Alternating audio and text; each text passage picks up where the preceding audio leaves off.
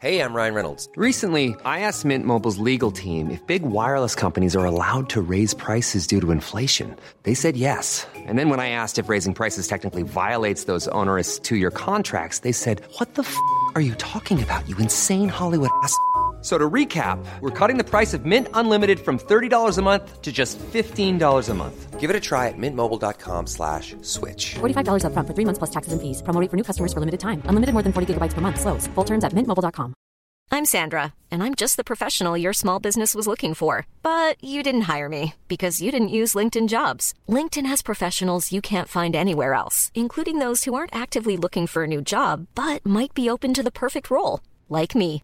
In a given month, over 70% of LinkedIn users don't visit other leading job sites. So if you're not looking on LinkedIn, you'll miss out on great candidates like Sandra. Start hiring professionals like a professional. Post your free job on linkedin.com slash spoken today. ACAST powers the world's best podcasts. Here's a show that we recommend. The Real Housewives is a guilty pleasure for most, but if you're looking to not feel guilty about that pleasure, tune in to Everything Iconic with me, Danny Pellegrino, where I break down all the messy moments and behind the scenes antics of Bravo's popular franchise. And on Everything Iconic, I also interview celebrity guests like Kelly Ripa, Kiki Palmer, Drew Barrymore, Cameron Diaz, and more about their guilty pleasures, their past work, and so much more. So if you're pop culture obsessed and find yourself watching way too much reality TV like me, tune in to Everything Iconic with Danny Pellegrino wherever you listen to podcasts. ACAST helps creators launch, grow, and monetize their podcasts everywhere. ACAST.com.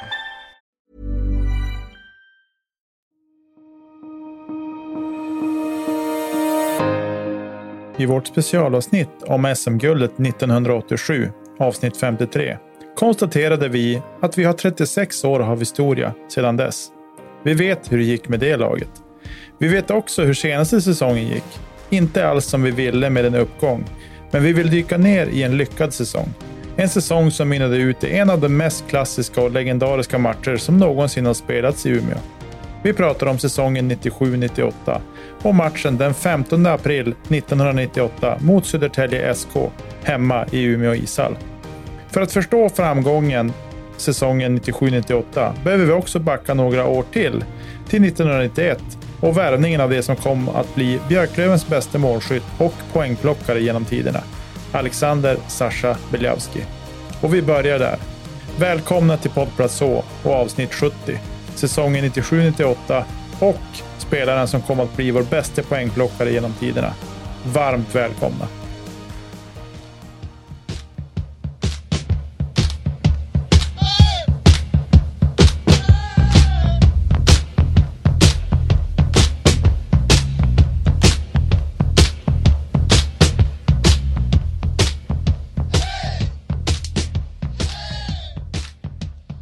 Alexander Beliavski föddes den 17 januari 1964 i Vitebsk, Vitryssland. Och han blev då sen lettländare och växte upp i Riga. Och hans klubb från ungdomen var då Dynamo Riga. Hans A-lagsdebut där skedde säsongen 81-82, alltså den säsongen då han fyllde 18 år. Han gjorde nio matcher och gjorde fyra mål. Sen så ökade poängproduktionen stadigt med åren och säsongen 90-91, hans sista i Dynamo Riga, gör han 42 poäng på 46 matcher. 16 mål, 26 assist. Vilket ger en sjätte plats i poängligan i den sovjetiska ligan. Och här måste vi nog stanna till lite grann. För att den sovjetiska ligan är näst bäst i världen efter NHL. Det tror jag man lugnt kan konstatera. Och jag tycker att man kan titta på, låt säga, topp 10 i poängligan den säsongen, 90-91. Och vad hittar vi? Vi tittar närmare på det tycker jag. Etta där är en ukrainare som heter Ramil Yuldashev. Han gör 56 poäng på 46 matcher. Han hamnade i Österrike senare och det gjorde för övrigt också andra sovjetiska finsmakarnamn som Vjatislav Bykov och Andrei, Andrei Ja, vi ska ju försöka svänga oss med de här namnen på något vettigt sätt. Men Oleg Snaroks var tvåa i poängligan. På, han spelade 44 matcher, 24 mål, 27 assist, 51 poäng. Han var för övrigt klubbkamrat också med Alexander Biljavski i Dinamo Riga och hamnade senare i tyska tredjeligan, Eve Landsberg, där han sin första säsong producerade 220 poäng på 66 matcher, vilket han sjukt nog inte vann poängligan med heller. Och han har även varit då förbundskapten både i Lettland och i Ryssland. Ja, så nu nummer tre här är ett namn vi nog känner igen. Det är Pavel Bure. En ung Pavel Bure. Han gör eh, lite drygt en poäng per match. 41, 46 eh, poäng, eh, 44 matcher, varav 35 stycken är mål då. Han gör ju nästan kaos kan man väl säga och i alla fall succé i NHL och Vancouver Canucks och han spelar också i Florida Panthers och New York Rangers. Jag vill nog påstå att han är 90-talets största råtalang. Uh, han fick karriären spolierad för tidigt av skador. Jag tror det var knät som var trasigt om jag minns rätt. Ja, han gick väl under smeknamnet uh, Russian Rocket, va? Tror jag. Ja, han var fruktansvärt snabb. Mm, precis. På fjärde plats i den där poängligan hittar vi Valeri Kamenski. Och på 46 matcher så åstadkom han 46 poäng fördelat på 20 mål och 26 assist. Han gjorde sedermera även sju, över 700 matcher i NHL och vann Stanley Cup tillsammans med Colorado och Peter Forsberg 1996. Precis. På eh, femte plats poängligan, då har vi Sergej Nemchinov. Han gjorde 45 poäng på 46 matcher. 866 matcher i NHL. Två Stanley Cup-titlar 94 och 2000. Alltså det är inga dåliga spelare vi har med på den här poängligan. Det kan vi ju konstatera. Då, sen på sjätte plats, som vi nämnde, hittar vi då Alexander Biljavski. 46 matcher, 16 mål, 26 assist och 42 poäng. Ja, sjunde plats, Juri Smylev. 45 matcher, 39 poäng. Nästan 300 matcher i NHL och jobbar idag som NHL-scout. Och på åttonde plats kan jag ta det också. Det är Vyacheslav Fanduls. 46 matcher, 38 poäng. Också klubbkamrat med Sasha i Dynamo Riga. Han hamnade i Finland sen och gjorde över 500 matcher i högsta ligan där. Just det. Sen på nionde plats där har vi Alexander Semak. 46 matcher, 17 mål, 21 assist och gjorde nästan 300 matcher i NHL. Så det är ju spelare som har gått vidare och eh, varit bra för att spela i världens bästa ishockeyliga. Verkligen. Tionde plats, Valeri Shirjajev eh, som gjorde 38 poäng på 44 matcher. Jag tror att han var ukrainare om jag minns rätt. Han gjorde i alla fall en massa säsonger i Schweiz då sen. Och vad är poängen med den här uppräkningen med, med de här namnen som vi rabblar upp där, förutom att det är lite roligt? Det är ju att vi behöver påminna oss om hur bra Alexander, Alexander Biljavski var. Om man tittar på namnen som fanns runt och tittar man längre ner på listan så är det ju eh, många som har gjort många NHL-matcher utav de som hamnar efter i poängligan. Och, och poäng är inte allt, det vet vi också.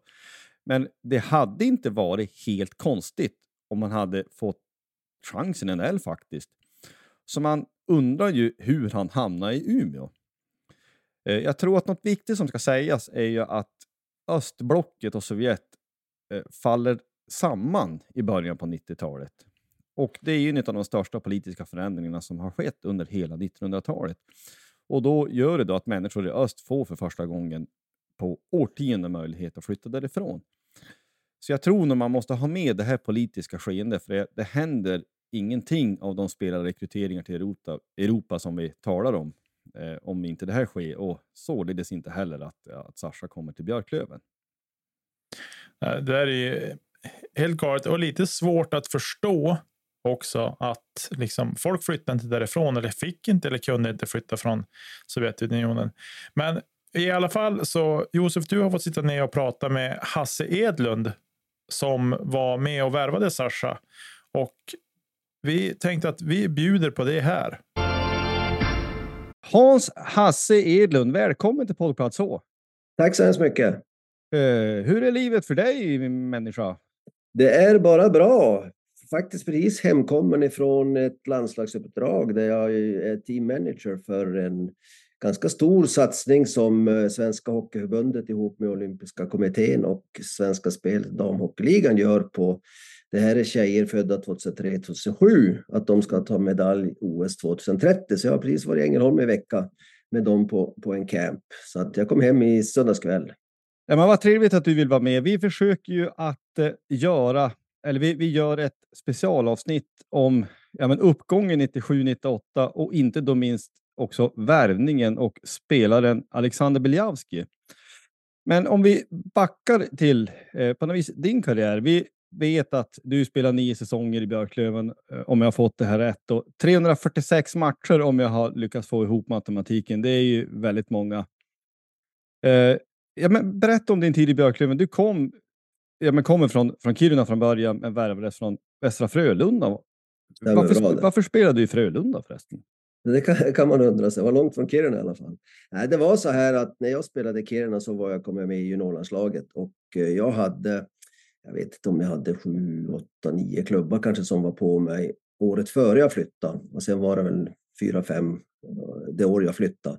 Och enkelt så var det så här att Arne Strömberg var tränare i Frölunda. Arne Strömberg hade haft en hockeyskola i Skellefteå som jag hade varit på två år. Eh, han höll kontakt med mig sedan jag var 15 år. Och det där gjorde liksom att han hade något litet försprång med tanke på att jag visste vem han var, han visste vem jag var och värva mig utifrån den spelare jag var och eh, inte bara att jag var med i juniorlandslaget. Så, så det steget var väldigt stort från Kiruna till Frölunda, men det kändes ändå ganska bekvämt med tanke på att jag hade spelat med många killar i juniorlandslaget som Jörgen Pettersson, Magnus Olsson med flera. Jag tror vi var fem stycken som kom ifrån juniorlandslaget direkt till Frölunda för de gjorde en nysatsning och det kändes också ganska bekvämt. Så därför blev det Frölunda. Är det samma Jörgen Pettersson som spelade i St. Louis sen? Det stämmer bra det. Jajamän, det stämmer bra. Det var inte han som gjorde mål sitt första byte till och med? Jag vill minnas. Jag tror, att han till och med gjorde, jag tror till och med att han gjorde tre mål sin första match i, i St. Louis. Om inte, uh, han har berättat det. Jag tror att han gjorde tre mål först. Jag undrar om inte han gjorde hattrick sin första match faktiskt. Ja, det är svårt att höja sig från det. Ja, det är väldigt svårt. Precis, helt rätt. Ja, men eh, Eh, jag tror många känner till historien. Du, du kommer till Björklöven. Du spelar i klubbens första SM-final. Eh, där i början på 80-talet och som också är ju ett av mina personliga. Då. Jag är född 1975, alltså det är de absolut första minnen jag har. Jag, man är liksom 5, 6, 7 år bara.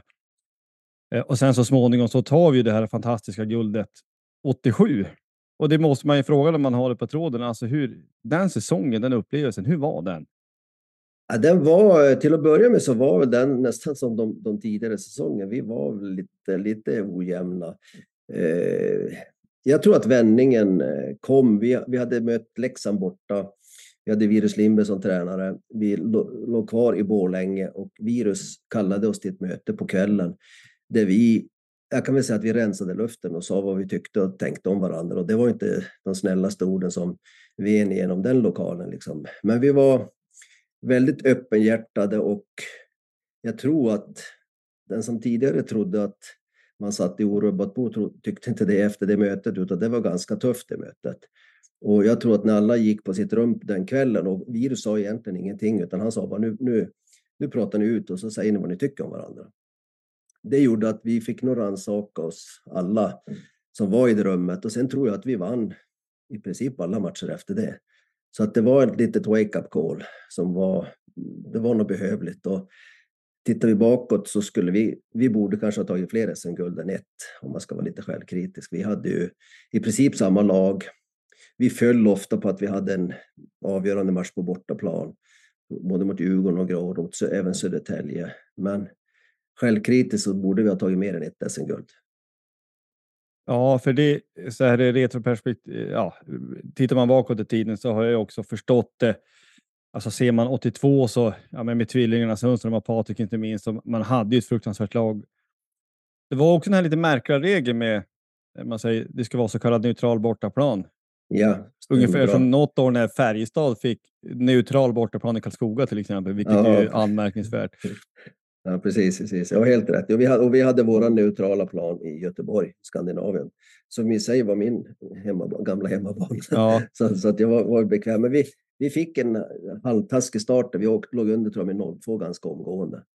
Och vi, vi hämtade aldrig igen oss från det, tyvärr. Men, Men, men, men med det sagt i alla fall så, så borde vi, vi borde ha tagit mer än ett SM-guld med det lag vi hade. Ja ja, du fick ju spela tre SM-finaler och vinna en i alla fall. Och sen så blev det Norge. Uh, och då vill man också fråga, hur kom det sig då? Ja, men det var, det var så här att när jag eh, jag hade spelat nio, jag hade spelat tre, jag hade spelat tolv säsonger i elitserien. Eh, och gamla, mina gamla Frölunda-kompisar, Anders Broström, Lars-Erik Esbjörnsson och så, Hasse vad du än gör, avsluta din karriär, karriär i Norge, för det hade de gjort. Det är fantastiskt, trevliga människor, rolig ishockey, du kommer, du kommer aldrig ångra det. Och det där gjorde att vi hade ju då eh, det året, mitt sista år, då hade vi två norrmän i laget, Åge Ellingsen och Erik Christiansen. Så jag nämnde det för dem. Jag hade också till och med skrivit in i mitt kontrakt, eh, jag hade ett tvåårskontrakt, att jag kunde flytta till Norge efter mitt andra år. Så det, det, var, var nog planerat så att säga redan. Även om Björklund ville att jag skulle vara kvar eh, ett år till. Men det var precis det brytningen när, kan man säga, när Malmö kom in i bilden. Med, helt plötsligt gick ju lönerna upp jättemycket. Mm. Eh, och eh, det var svårt att hålla i spelare och de ville, ville ha kvar. Men jag tyckte att använd de pengarna till någon yngre spelare istället. För jag tyckte jag har gjort 12 år i, elitserien. Och, och ta det till någon annan istället. I att jag hade som bestämt redan och jag hade fyra eller fem norska klubbar som jag valde bland. Vilket gjorde att jag tog Stjärnan, ja, som jag trivdes fantastiskt bra i. Men vi kan också nämna det, det året det året när vi tar SM-silver mot Färjestad, alltså året efter SM-guldet. Det var nog kanske minst lika stor prestation som SM-guld med tanke på att vi tappade ju, jag vet inte hur många världsmästare vi kan tappa, men sju, åtta man ifrån oss blev ju också världsmästare 87 och sen försvann ju, i princip försvann alla yttrar och Virus hade byggt spelet på backar och centrar, vilket jag och Micke Andersson och Matti Pauno var då. Och vi fick behålla i princip alla backar och centrarna, så vi kunde fortsätta bygga på det spel Virus hade byggt upp för oss. Men, så det var de och jag kan väl tycka i efterhand också att vi kanske var nöjda med att vi gick till SM-final och tyckte vi gjorde det jäkligt bra. Om man också även där ska vara självkritisk så att säga. Så att, men så blev det Norge i alla fall. Ja, men jag har lyssnat på en eh, Holmgren möter, alltså Niklas Holmgren, eh, kommentatorn. Eh, det är ju flera, flera ja. år sedan en podd där han pratade med Virus just om det, att, att det var lite svårt att ladda om. Mm. Eh, på något sätt, man hade, alltså Björklund hade satsat och varit bra så länge och sen när man liksom vann så på ett sätt så visste man inte riktigt hur man skulle hantera framgången. Nej, men det ligger nog eh, det. Och på ett sätt, och, ja, och eh, nu gillar man ju inte att prata om Skellefteå på ett sätt, då, för det är vår största rival, Nej. men de, de, har ju på något mm. sätt lyckats få till att ja, men du firar ett tag och sen så är inställningen ja, men nu ska vi träna ännu hårdare. Ja, jajamensan, helt rätt. Helt rätt. Ja, nej, men eh, du avslutade karriären 1990 och om jag förstod det här rätt så kommer du direkt in i någon slags ledarroll i Björklöven. Vilken var det och hur kom det sig? Ja, när jag kom hem så hade man, jag tror att man hade startat något som heter Guldklubben då, med massa stora företag som skulle hjälpa till och uh, försöka ta tillbaka Björklöven till elitserien igen. Det gjorde att man skulle anställa en sportchef på heltid och jag fick då frågan ifrån, ifrån den, den styrelsen om inte jag kunde tänka mig att ta, ta mig an den rollen. Uh, och jag sa väl liksom att vi, ja, men det, det kommer ju ta kanske, uh, jag sa en tre år får man kanske räkna. Nu hade jag tur att vi, vi tog oss upp efter två år tror jag det var. Uh, jag tror att vi gick upp 92 om inte jag är helt 93. fel på, på åren. 93 kanske, på 92, mm. 93, så kan det bli.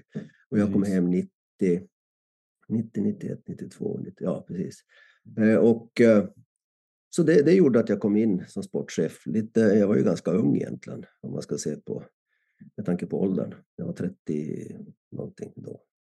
Ja, men det är det man tänker att, att det var ganska snabbt. Du var inte sugen så här, nej men förresten, jag knyt på med rören igen. Det vore ja, roligt ändå. Det, det var så här, vi hade Tommy Sandlin som var tränare då. Och då gick man till något som hette, jag tror det hette Superallsvenskan efter jul. Man, man kvalificerade sig och de, jag vet inte om det var de fem bästa lagen i norra och fem i södra, gick till något som hette Superallsvenskan. Vi kom på ett styrelsemöte då i, det måste vara i december, när, när Tommy säger att Hasse, du måste knyta på dig skridskor, du måste spela efter jul. Och jag bara tittade, jag trodde först Tommy skojade. Nej men, nej men glöm det, sa jag. Och då hade jag, jag hade varit ner på några träningar och eh, ja, men bara lekt så att säga på, på eh, det hade varit frivilliga träningar. Och jag kände att nej, man, man tappar ganska fort. Och jag var inte beredd och jag var ganska nöjd. Jag hade spelat 12 år i elitserien och sen var jag då två år i Norge som var fantastiska. Men jag var inte beredd att lägga ner det som gjorde att jag skulle, skulle kunna tillföra någonting. Och jag har alltid varit emot gamla spelare som kommer in och inte tillför någonting. Då är det bättre att de unga får ta över. Så det var den känslan jag hade. Mm. Ja, för att nu, nu kommer vi lite grann till kärnan och, och huvudämnet är ju att eh, Alexander Biljavski värvas 1991. Ja. Och hur gick det till? Hela den processen? Det, det, det var så här att vi hade ett lag, jag kommer inte exakt ihåg åren här nu, men jag tog hem i alla fall jag tog hem Virus Lindberg, han hade varit i Schweiz, jag tog hem Patrik Sundström, jag tog hem Peter Andersson, jag tog hem Micke Andersson. Men vi saknade ändå en spelartyp som, som jag liksom ville. Och jag hittade ingen i Sverige då med, det var ju samma då som det är nu, det hade med börsen att göra också, lite grann vilka, vilka var råd med.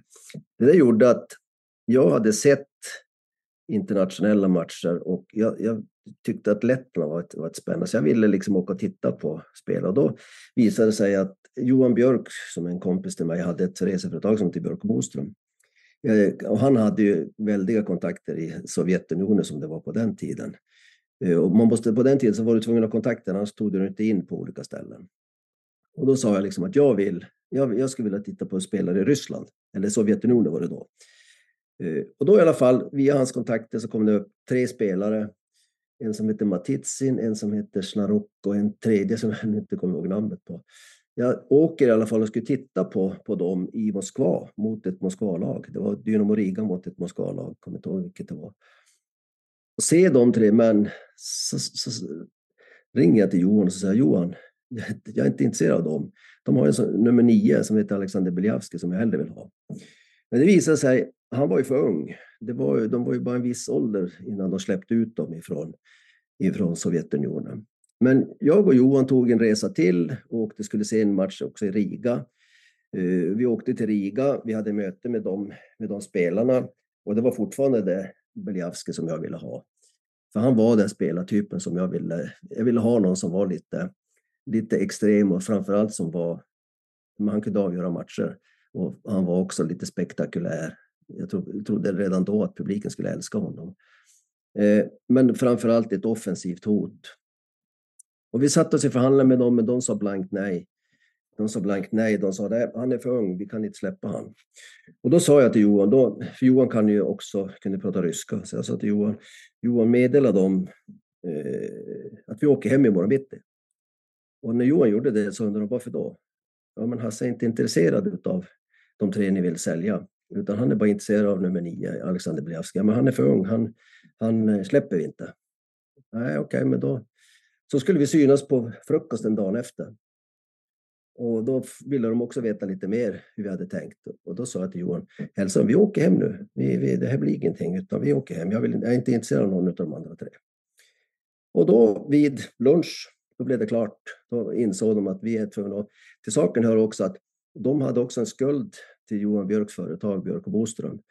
Eh, så att vi hade, hade lite press på dem också på, på vad vi kunde göra. Och på lunchen då så kom de och sa nej men vi, vi accepterar, vi accepterar att eh, släppa Alexander Beljavski till er. Så att det där gjorde att då skulle de ta upp, då sa men har ni pratat med, med Alexander då? Nej, det hade de inte gjort. De sa, ni måste ju prata med Alexander först, vi måste göra vad han tycker. Det känns ju, för han hade, jag visste att han hade familj, fru och, och barn. Så Alexander, Sasha kom upp till oss på lunchen eller på eftermiddagen tror jag det var. Och de berättade att så här är det, han vill att du ska flytta till Sverige. Liksom. Och, och Sasha blev jätteglad på en gång, för han kunde prata engelska. Och det var väldigt ovanligt. Så att de hade varit i USA och spelat åren före och han var den som tolkade åt, åt hela laget beroende på att han kunde, han kunde engelska. Så Sasha blev jätteglad. Så att sen var det bara lite pappershantering. På den tiden så var det inte så enkelt att, att bara åka till Sverige. Och, och, utan jag hade, det var ju massa pappersexercis som skulle göras även här hemma i Sverige. Liksom, och de skulle göra sin eh, pappersexercis i Sovjetunionen också. Så, att, så, så, så gick den till. Men eh, för då är ju, tänker, då, här är också början på 90-talet, det är väl på så säger, Sovjet på väg att vad säger, braka sönder? Sasha Hade- hade, han Hade det precis- någonting med saken att göra så att säga? Nej, han hade precis kommit hit och jag, jag vet inte hur länge han hade bott här när det blev att de bröt sig fri, eh, Lettland. Mm. Både Estland, Lettland, Litauen, det var väl alla tre nästan som bröt, men i alla fall Lettland bröt. Så att vi hade jätteproblem att få tag på hans, både hans och hennes föräldrar. Eh, för han ville komma i kontakt med dem och det var inte jättelätt. Eh, där. Och, så det måste nog ha varit att han kan bara vara här i några månader tror jag. Eh, in, innan det blev. Men det hade, mig veterligt så, så hade det ingenting med det att göra då. I alla fall. Utan det här var ett spel med, med Sovjetunionen som vi, som vi gjorde och den överenskommelse som gjordes. Så var det med dem. Ja, för att det hade väl ändå blivit lite, alltså tio år tidigare hade det inte gått, utan det var väl med, med Gorbatjov lite perestrojka som man sa att ja, men luckras lite, lite grann i alla Så, fall. så är det, helt klart så är det så. Så är det, helt klart är det så. så att, eh, och det var ju lite med deras goda vilja. Hade de följt så att säga, de, jag tror att man skulle vara 27 år för att få flytta utomlands då, om inte jag missminner mig. Kan, vad kan Sasha vara då? Kan han ha varit 26, 25, 26 eller någonting? Han är född 64 tror jag. Ja, precis. Så att det här var ju en, han var ju för bra ålder egentligen eh, för att de skulle släppa med deras mått mätt. Så han, Ja. var deras, han var deras lagkapten också i, i Riga. Men det är ju intressant, alltså Matitsen, är det Andrei Matitsen, han som hamnar i Ja. Lycksele? Det stämmer bra. Stämmer bra det. Ja. Eh, Och det ska väl också sägas också, Oleg Snarok, han var ju rätt bra också. Han, Han var väldigt bra. Jajamensan, han var väldigt bra också. Så Men han var, inte, han var inte den spelartyp jag sökte och det var inte Matitsen heller. Utan jag sökte en speciell spelartyp och, och ingen av de här tre, jag missade ju namnet på den tredje, var, gick in i den kategorin. Men, men Sasha gjorde det. Så, att, så det var inte att de var dåliga utan det var mer liksom att de var inte den, den spelartypen som jag sökte. Nej, nej, men alltså för det, det är också så här, en, en fråga så också efter det. Men alltså, Beljavski, han blev sexa i den sovjetiska poängligan. Ja, Alltså ja, man tänkte, hur är det möjligt att, att en sån oerhört bra spelare kan hamna i svenska andra ligan? Det känns ju helt osannolikt. Nej, ja, det, hade, det hade han ju inte gjort om inte jag hade varit där och tittat på de andra. Utan det var ju, för det var ingen som var till sal eller vad man ska, vad ska uttrycka sig. Utan det var ju de här och de hade ju åldern inne för att de skulle kunna släppa dem ut. Eh, utan det, ja, det var ju ett, på grund av mitt initiativ och på grund av att Johan Björk hjälpte till med Mm. förhandlingarna så att säga så, så kunde vi lösa det. Och, och just tror jag också att vi var ganska, eller jag var väldigt bestämd att då gör vi ingen affär. Då får det här vara, då åker vi hem istället. Och det, det insåg de när jag inte hade ändrat mig på morgonen heller, utan jag, jag höll kvar så att säga vid att nej, men då får vi hem istället. Så att jag, jag tror att det var en kombination, men just att det blev Sasha, det hade inte jag varit där och tittat utan bara hade gått på de tre namn som fanns, då hade man ju inte hittat Sasha helt enkelt. Nej, men för att det är klart, i andra tider, nu finns det internet och det finns videoprogram, och Mm. hans men man, jag jag tänker också i synvinkeln att ja, men han, om man nu får säga så, han var ju för bra. Ja, han var ju, För division 1, liksom, han, Ja, han skulle ju lika gärna kunna få chansen nästan NHL ju. Ja, ja, precis, precis. Och, och det fanns intresse av han när de hade varit och spelat i USA också. Med tanke på att han, dels så var han ganska utåtriktad, han kunde engelska och så var han en jäkla duktig hockeyspelare också. Så, att, Mm. eh, så han hade ju kvaliteter för kanske högre än andra ligan i Sverige. Eh, Så kan man uttrycka sig. För det är också en, en annan fråga som är, jag menar, att han kom är nog stort. Och Mm. bortsett från en säsong i Frölunda så stannade han ju så länge. Alltså hur fick man han att trivas? Ja, men det var så här var det också. Och här var ju Umeå kommun väldigt behjälpliga. Det var så här att de hade en dotter då som var Olga som var, eh, eller förlåt, Olga var, hon skulle bara skolan. Hon var, jag var med och skolade in henne i första, andra, tredje klass någonting. Och sen hade man eh, Jelena, en, en liten dotter som var ett år eller två år, som vi fick också in på ett, på ett dagis. Och det här var ju eh, liksom en tanke från mig också, för jag skrev ett treårskontrakt. Jag var ju så pass säker, liksom, så jag skrev inte bara ett ettårskontrakt, utan jag skrev ett treårskontrakt och jag ville också se till att familjen skulle trivas i Umeå. Och då var det ju viktigt också att vi fick allting runt omkring att fungera. Dels med, med Olgas eh, skolgång. Eh, hon, hon blev integrerad ganska snabbt liksom i skolan. Eh, Jelena fick också barn, barntillsyn. Eh, och att, att frun också då, Svetlana, skulle trivas här.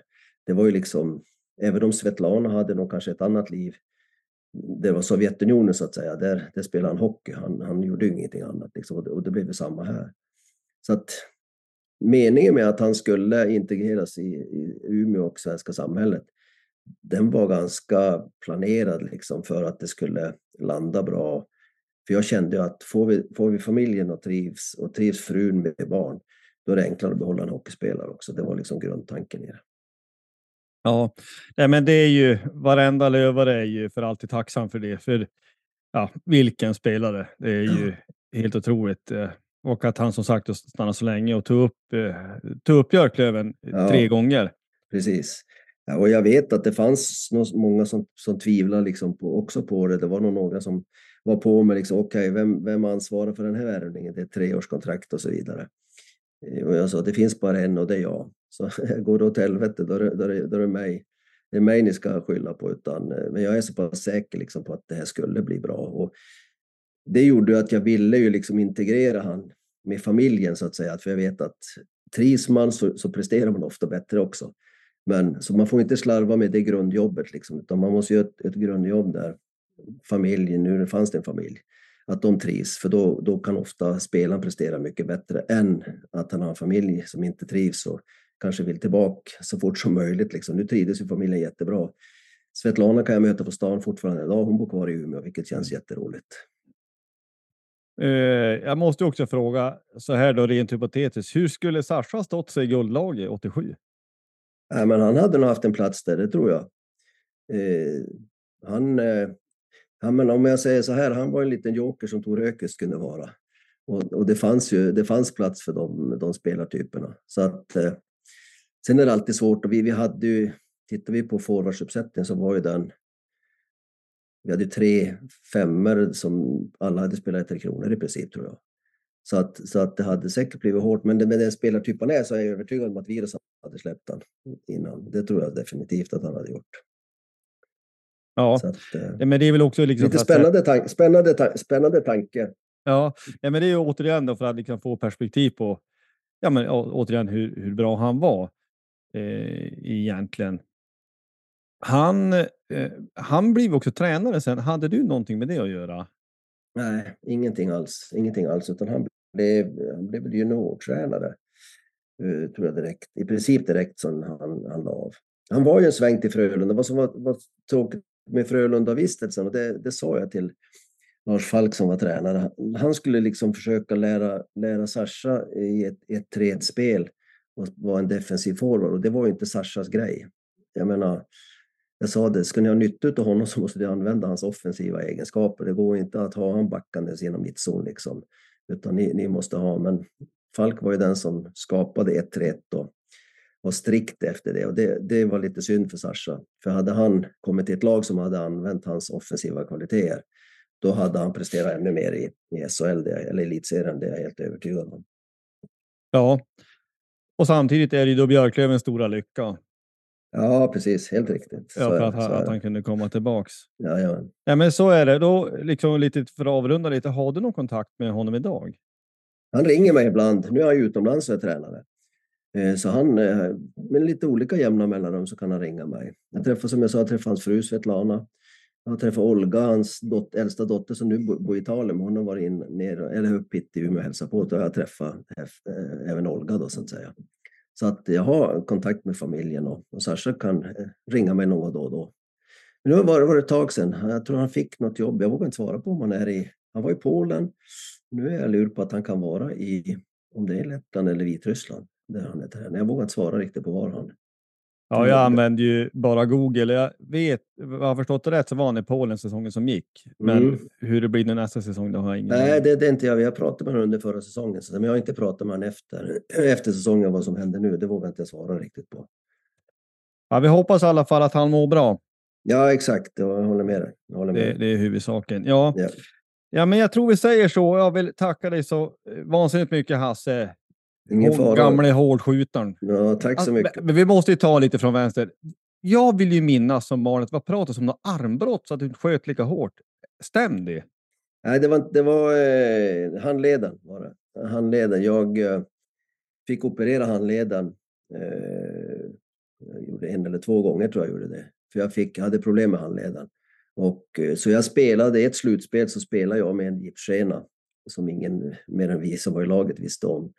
Eh, så det gjorde att jag kunde inte, jag kunde inte skjuta och jag kunde nästan inte teka heller. Utan jag fejktekade lite grann. Jag stod som pointman på powerplay, men jag visste att jag kunde inte skjuta, men det visste inte motståndarna. Så de, jag blev markerad ändå så att säga för att skapa yta för, för de andra spelarna. Liksom. Men, men det, det var två säsonger som jag, som jag eh, drogs med det. Nej, en säsong blev det. En säsong blev det som jag drogs med det. Så jag hade sprutor. Det slutspelet så hade jag sprutor. Eh, jag fick spruta två gånger, fick jag spruta handleden på varje, varje match. En gång före och så var det eh, andra perioden. Och det var en jäkla smärta kan jag säga. När det, när det släppte på natten så kunde jag vakna och hade jäkligt ont. Liksom. Men det var för att jag överhuvudtaget skulle kunna hålla i klubban. Liksom. Men jag hade ändå en, en gipsskena som, som var stöd för att hålla uppe allting. Ja, man får ta en för laget ibland. Ja, man får göra så. Man får göra Ja. så.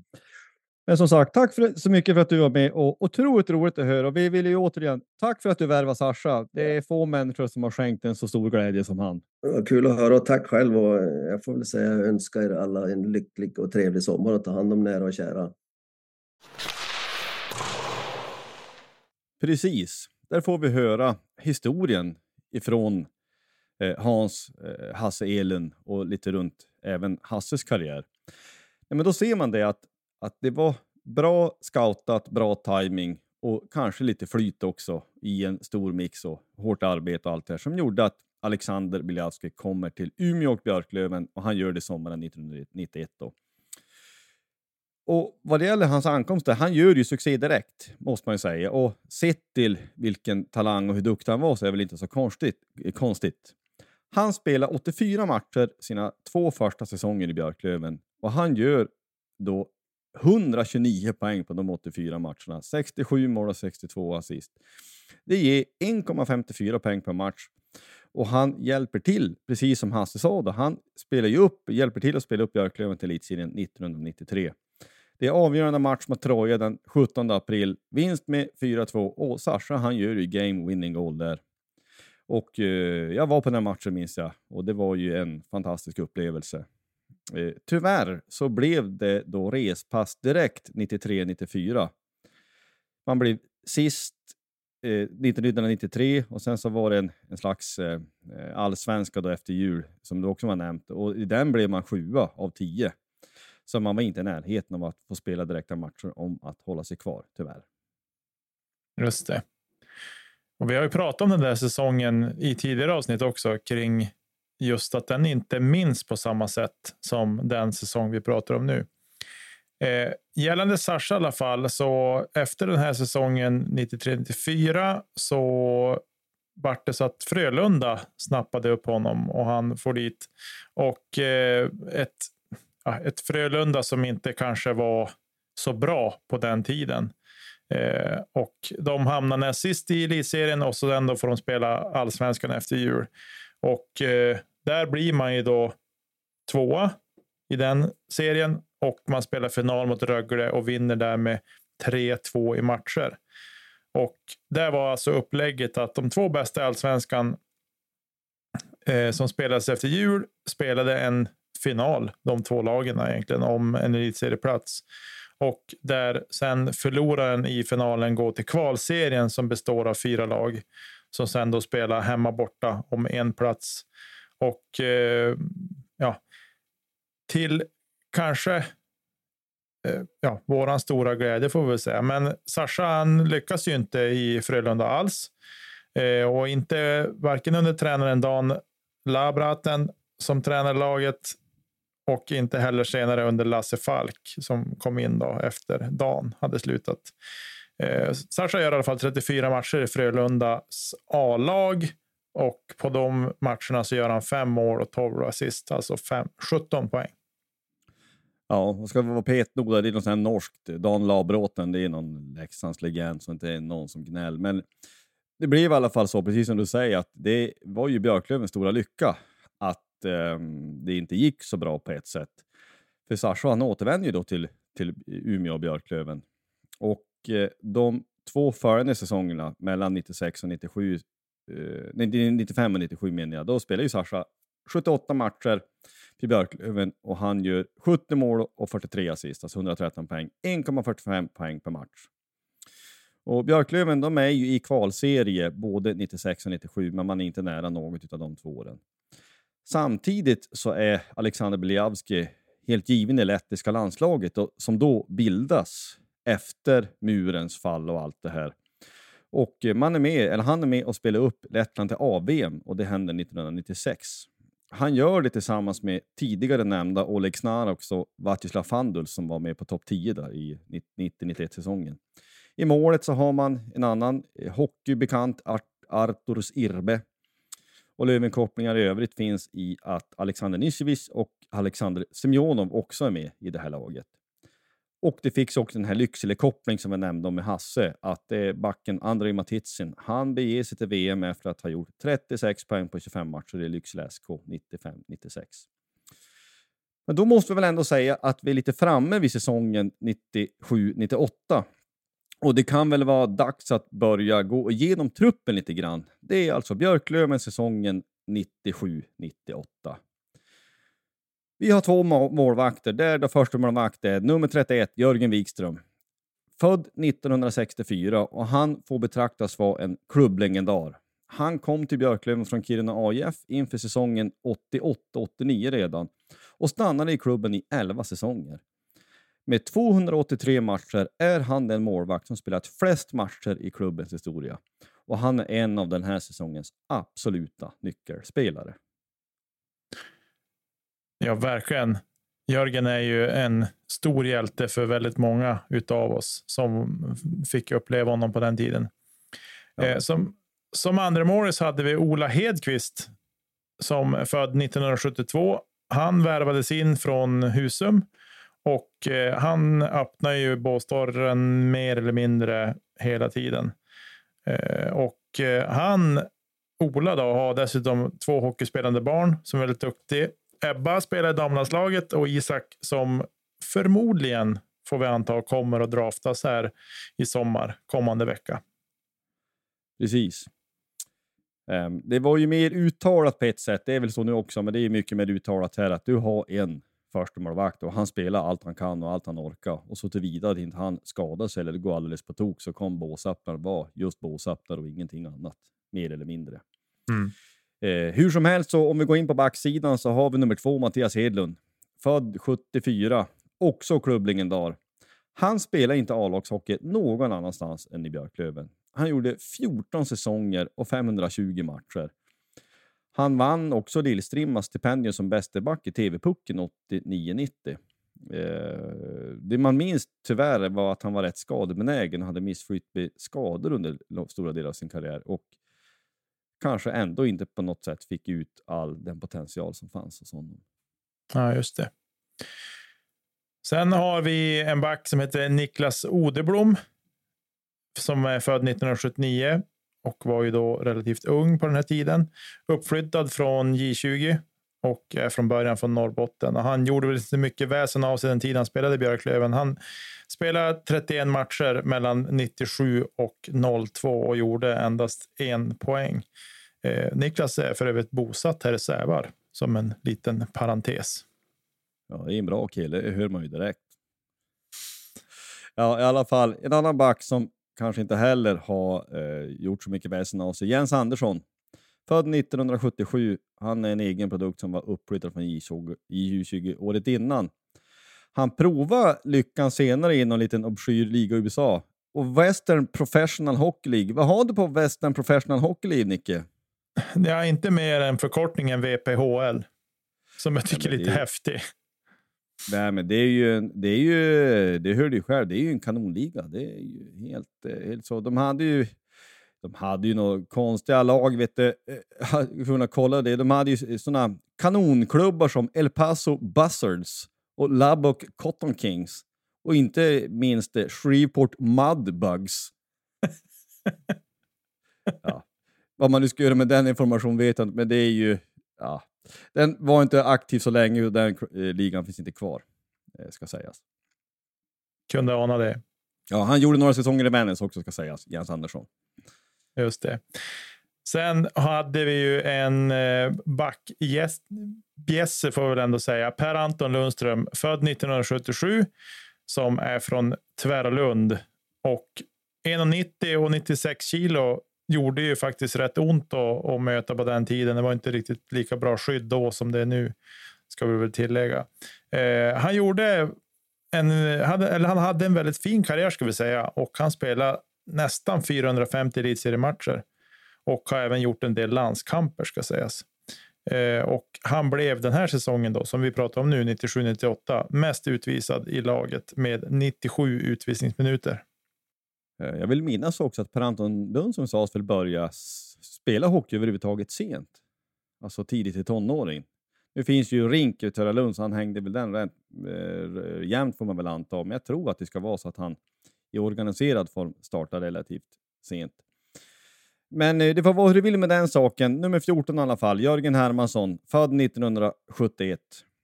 Ytterligare en klubblegendar. Han gjorde 15 säsonger i Björklövens A-lag. Har en, en säsong i kanonklubben Eisport-Weisswasser i tyska andra ligan 99-00. Men i övrigt så är han då Björklöven trogen hela sin karriär.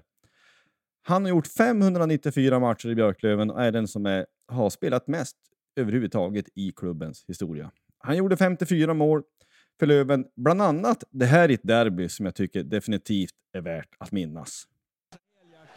Ja, nu får de inte spela för svårt och, och göra för svåra grejer utan fortsätta att spela enkelt och ta kloka beslut. Och här blir det mål, kassamål!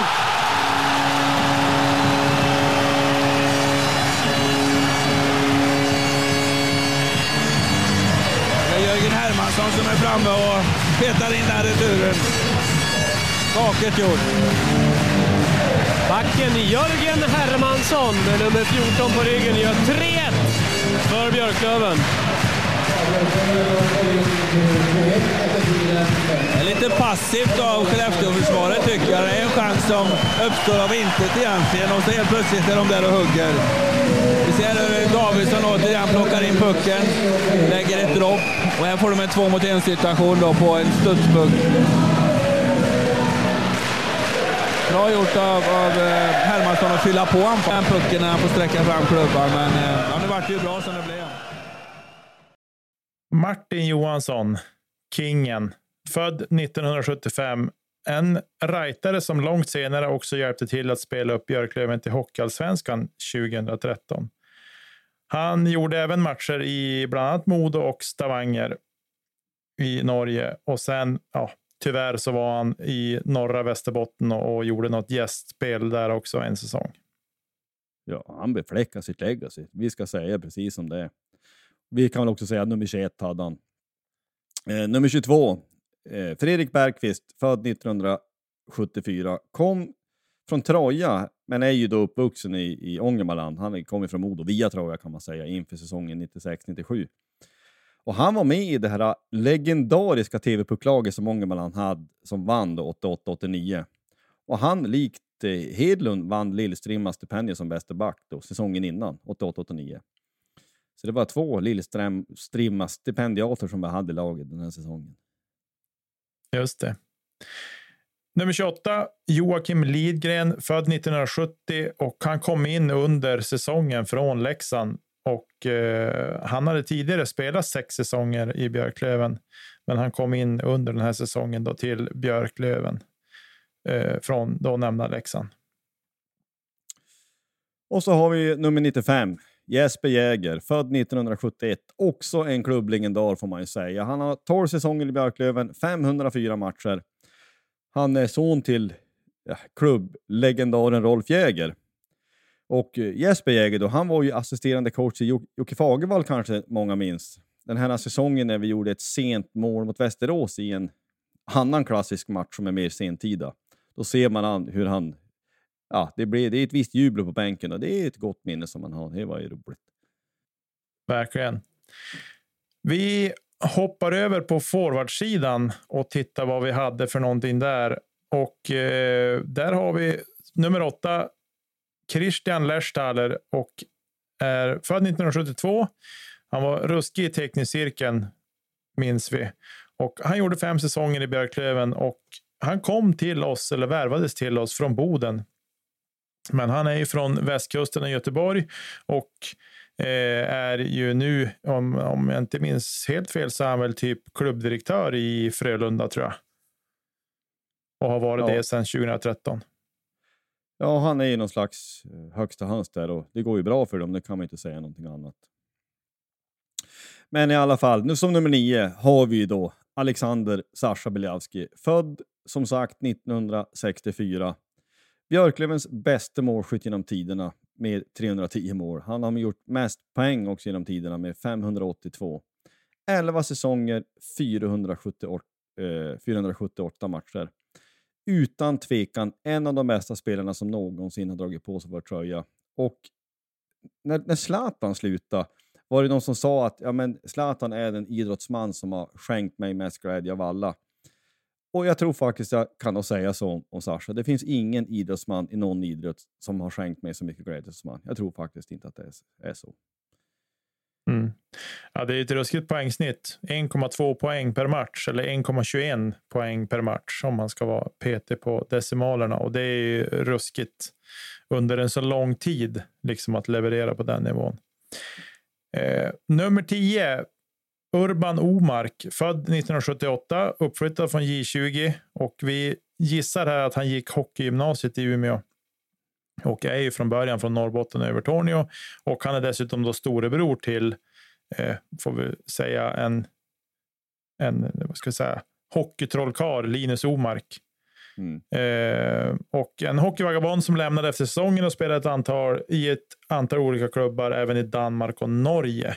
Men återkom då sen och gjorde ytterligare en säsong i Björklöven 2007-2008. Precis. Vi har också nummer 12, Jens Öhman. Han är född 1969. Och han är ju då, ja, bror till Stefan, vi kom hit han. Eh, och då, ja, ja, Stefan Öhman är ju dagens fystränare och assisterande coach och allt det här. Men eh, eh Jens Öhman, ångermanlänning som fick sin hockeyfostran i Modo. Där han spelade när han kom till oss inför 94-95 och då hade han också hunnit spela i Antjärn, eh, kanonklubben Antjärn och Örebro. Han var assisterande kapten under den här säsongen och väldigt bra. Hade ju för övrigt också en av de finaste kroppsfinterna på den tiden som man kunde skåda på en, på en ishockeyrink, tycker jag i alla fall. Var det han liksom vek axeln och trampade runt? Jajamän, den, den är fin. Den kommer jag aldrig glömma faktiskt. Eh, nummer 18, Daniel Wågström, född 1978 och kom ju från Husum under säsongen då, de gick i, då Husum gick i konkurs. Och eh, han skulle visa sig vara rätt viktig den här säsongen. Eh, han var även med i uppgången då 2000. Och han gjorde dessutom fyra matcher i Björklöven i division 1 2012. Precis.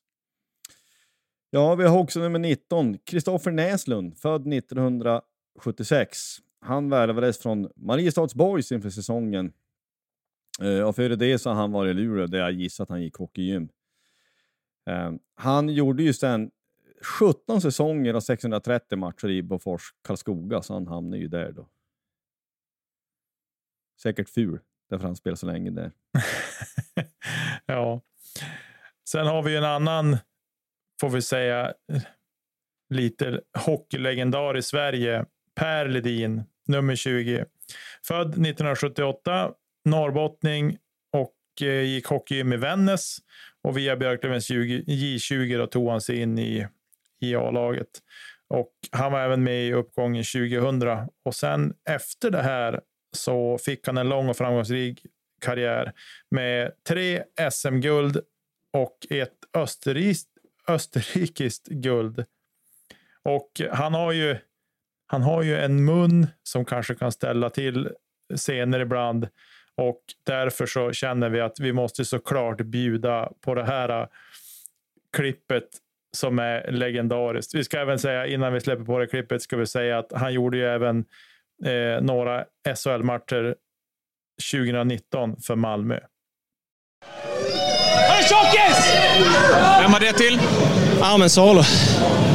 Det är mycket snack på dig. Nej, inte så speciellt, men någon, eh, snart är eh, råttet mogat. Alltså. Ja, det är inte jättemånga som har fått liksom råttet mågat, som har fått liksom ett eget citat. Det är, det är ju bra jobbat, det måste man ju ändå säga. Eh, men nummer 24 i alla fall, Peder Bergegård. Eh, född 1971 och lagkapten den här säsongen. Han var med uppgången 1993 och var en pålitlig pengmaskin i Björklöven, i mitten på 90-talet. Han värvades från Tegen för säsongen 89-90. Han kämpade med skador under den här säsongen och som jag minns det så var han inte med alltså sista matchen eh, då i, i kvalserien. Jag, jag, det är det jag helt säker på för att han intervjuades så, så att säga live i hallen kommer jag ihåg. Han spelar bara inom citationstecken 24 matcher den här då 97-98 säsongen. Mm, just det. Eh, nummer 25, Fredrik Lovén, född 1977, värvades in från Djurgården där han hade haft det tufft att ta plats.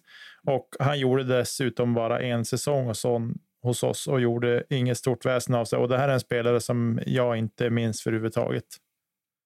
Ska jag säga. Nej, jag, jag minns han mest för att alltså, man, man läste i tidningen. De gjorde, som jag vill minnas det så var det Lovén till Löven. Man försökte väl göra någon liten ordvits där då såklart. Eh, men vi kan ju då säga att nummer 26, Johan Boman, minns man mer. Han är född 73 och värvades från Teg inför elitseriesäsongen 93-94.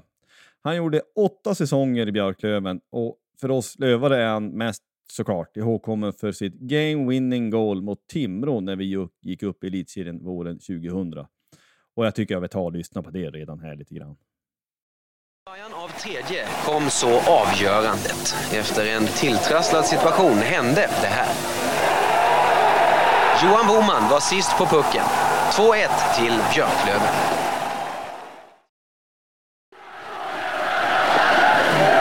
Har du mått bättre någon gång? Länge sedan i sådana fall. Ja, otroligt. Helt otroligt. Var det du som gjorde målet? Jag vet, fakt- jag vet, jag vet faktiskt inte. Jag, Lars Brell skjuter in pucken. Jag, jag vräker mig där, så jag vet faktiskt inte. Jag, den går in i alla fall. Jag vet inte om jag tar på Jag har ingen aning. Men du tar gärna på dig det? Ja, en sån här har jag. There's never been a faster or easier way to start your weight loss journey than with PlushCare. PlushCare accepts most insurance plans and gives you online access to board-certified physicians who can prescribe FDA-approved weight loss medications like Wigovi and Zepbound for those who qualify. Take charge of your health and speak with a board-certified physician about a weight loss plan that's right for you. Get started today at plushcare.com slash weight loss. That's plushcare.com slash weight loss. plushcare.com slash weight loss. I'm Sandra, and I'm just the professional your small business was looking for. But you didn't hire me because you didn't use LinkedIn jobs. LinkedIn has professionals you can't find anywhere else, including those who aren't actively looking for a new job but might be open to the perfect role, like me. In a given month, over 70% of LinkedIn users don't visit other leading job sites. So if you're not looking on LinkedIn, you'll miss out on great candidates like Sandra. Start hiring professionals like a professional. Post your free job on linkedin.com/spoken today. Ja, sen har vi en annan eh, hårding får vi väl säga. Lars Briell, född 1973 och är ju även han en klubblegendar. En egen produkt ska vi säga. Och eh, förutom att han gjorde en eh, säsong i Teg så spelade han då bara i Björklöven under sin karriär. Och eh, det blev tio säsonger. Jag tycker att det är fint på något sätt. Och eh, 403 matcher och han fick vara med om två uppgångar till elitserien. Och Lars Briell är ju Ja, men någon, man, jag ser honom ibland och så där och bara varma minnen får man ändå säga att man, man som ploppar upp när man stöter på honom. Så är det. Du kanske sa att han hade nummer 27. Det här är ju innan vi har pensionerat nummer. Eh, och han hade ju 13 sen vill jag minnas. Så det är väl kanske det han är mest känd för. Ja, precis. Eh, men så var det. Nej, men Lars Berg, måste jag säga. Jag vill ju minnas att han gjorde ett hattrick mot Skellefteå vid något tillfälle. Och brände ett friläge från att göra fyra. Så det väl kanske var någon måtta på galenskapen får det ändå vara. Men det, det minns jag. Eh, vi ska också säga då nummer 33, vi har varit inne på han lite grann. Stefan Öhman, 1976. Ångermanlänning som sin bror givetvis. Han är ju då fystränare och assisterande coach i Björklöven idag. Och han spelar flera vänder i Björklöven faktiskt. Första säsongen var 95-96 och avslutade spelarkarriären i Björklöven som kapten 2017. Han gjorde 345 matcher i den vackraste av tröjor och han gjorde ju en massa år i Finland. Eh, där fick han ju med sig en del erfarenheter eh, som har faktiskt bäring på hur Björklöven tränar idag, vilket jag kan tycka är intressant. Mm, verkligen. Sen nummer 44, Martin Vita. Född 1973 och han är från Uppsala och då är han ju då hockeyfostrad i Almtuna. Eh, han har haft lite brokig hockeykarriär. Kom till Björklöven från Vita Hästen inför säsongen 96-97. Och eh, han kan möjligtvis ha haft samma agent som Jörgen Hermansson, för de spelade samma säsong i samma lag i Tyskland och han gjorde totalt tre säsonger i Björklöven. Och Martin Vita är ju, han har vi nämnt i något tidigare avsnitt också, och det är ju en det, han var inte så stor minns jag, väldigt liten men ettrig spelare. Mm. Så är det. Och där har vi truppen. Eh, och man kan ju fundera, vad, vad säger man om den? Eh, man kanske kan säga att det är en ganska typisk andra ligatrupp. Det här är en, eh, ja, på något, idag skulle man säga en hockeyallsvensk trupp, men i det här fallet en division 1-trupp. Den innehåller ju grym spets i till exempel Sascha och Jörgen Wiström och vi har Jens Öhman och, och Stefan Öhman och andra som är bra. Såklart, men det är också en hel del mer anonyma hockeygnuggare i det här laget. Och det är i alla fall det här laget som är Björklöven den här säsongen och de tar sig an division 1 norra eh, hösten 97. Det är en serie som består av tio lag och de lagen är då Björklöven, Boden, Husum, Kalix, Piteå, Skellefteå, Sundsvall, Kiruna, Timrå och Örnsköldsvik. Alltså, nu har du flyttat söderut, men känner man ändå inte att man saknar den här serien lite? Det var ju inte så långt på bortamatcherna. Nej, men hade då varit nu, då hade man sett mycket matcher. Så är det ju. Verkligen. Nu när man sitter och ser vilka, det är ju liksom längsta bortamatchen är väl typ Kalix, eller ja, Kiruna förstås, men sen är det ju många matcher som är gott och väl inom vardagsmatchavstånd så att säga.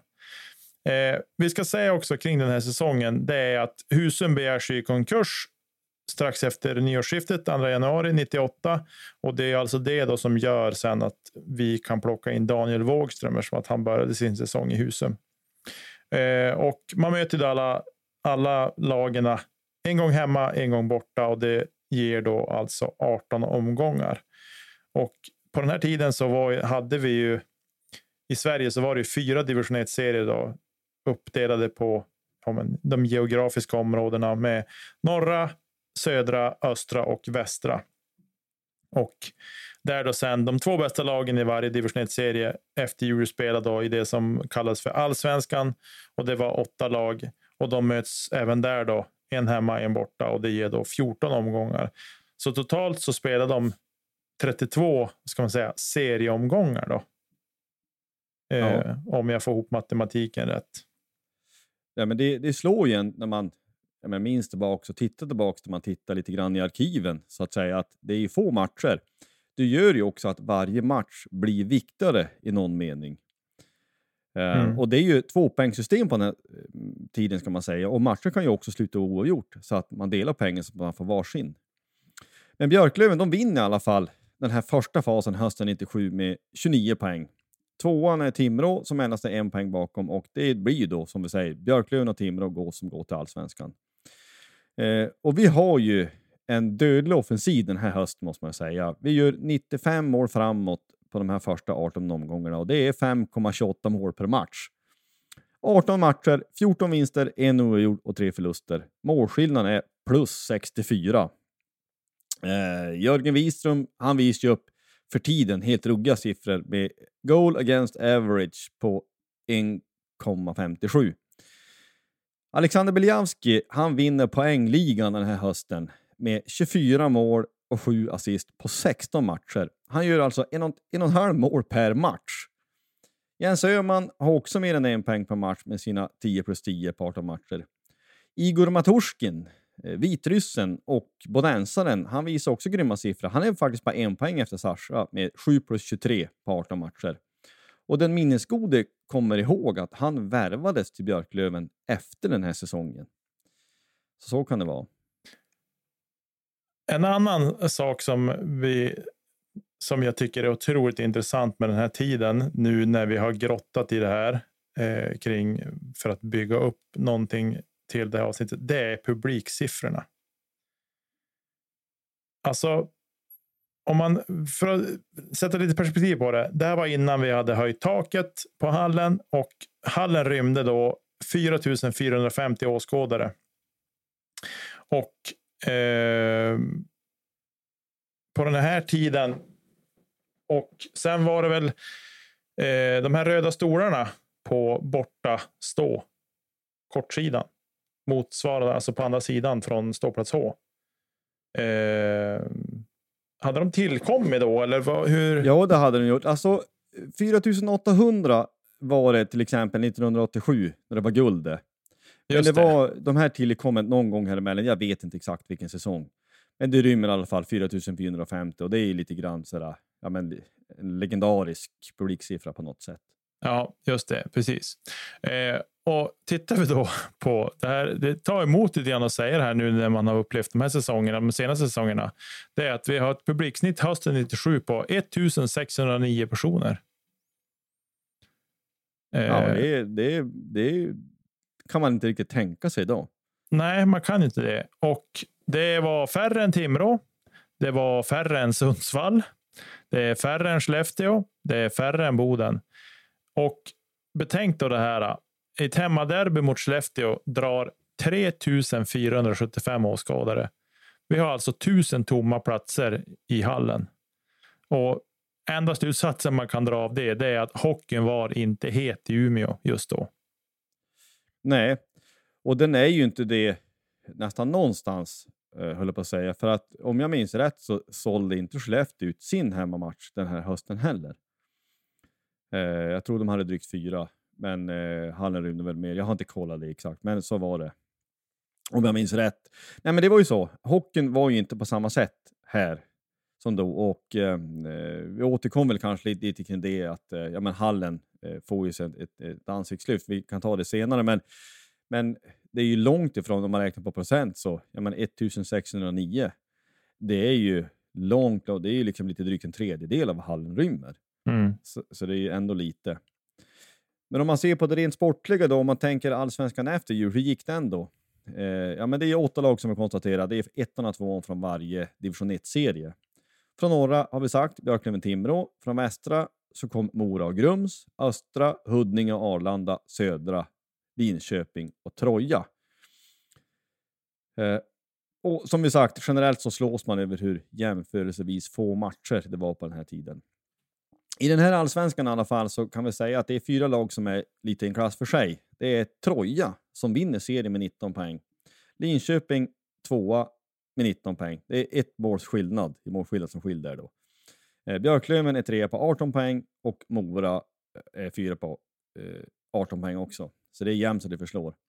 Man kan säga lite grann att Björklöven tappar seriesegern med ett 4-4 kryss mot Linköping i näst sista omgången. Vi ledde den matchen med 3-0, men tappade det till 4-4. Den är jobbig på Ja. något sätt. Eh, poängligan vinner i alla fall Ulf Söderström med 11 plus 14 på de här 14 matcherna och det är ju ruskiga, ruskigt bra siffror. Eh, han är ju på över, en bra bit över en och en halv poäng per match och, och sniffar.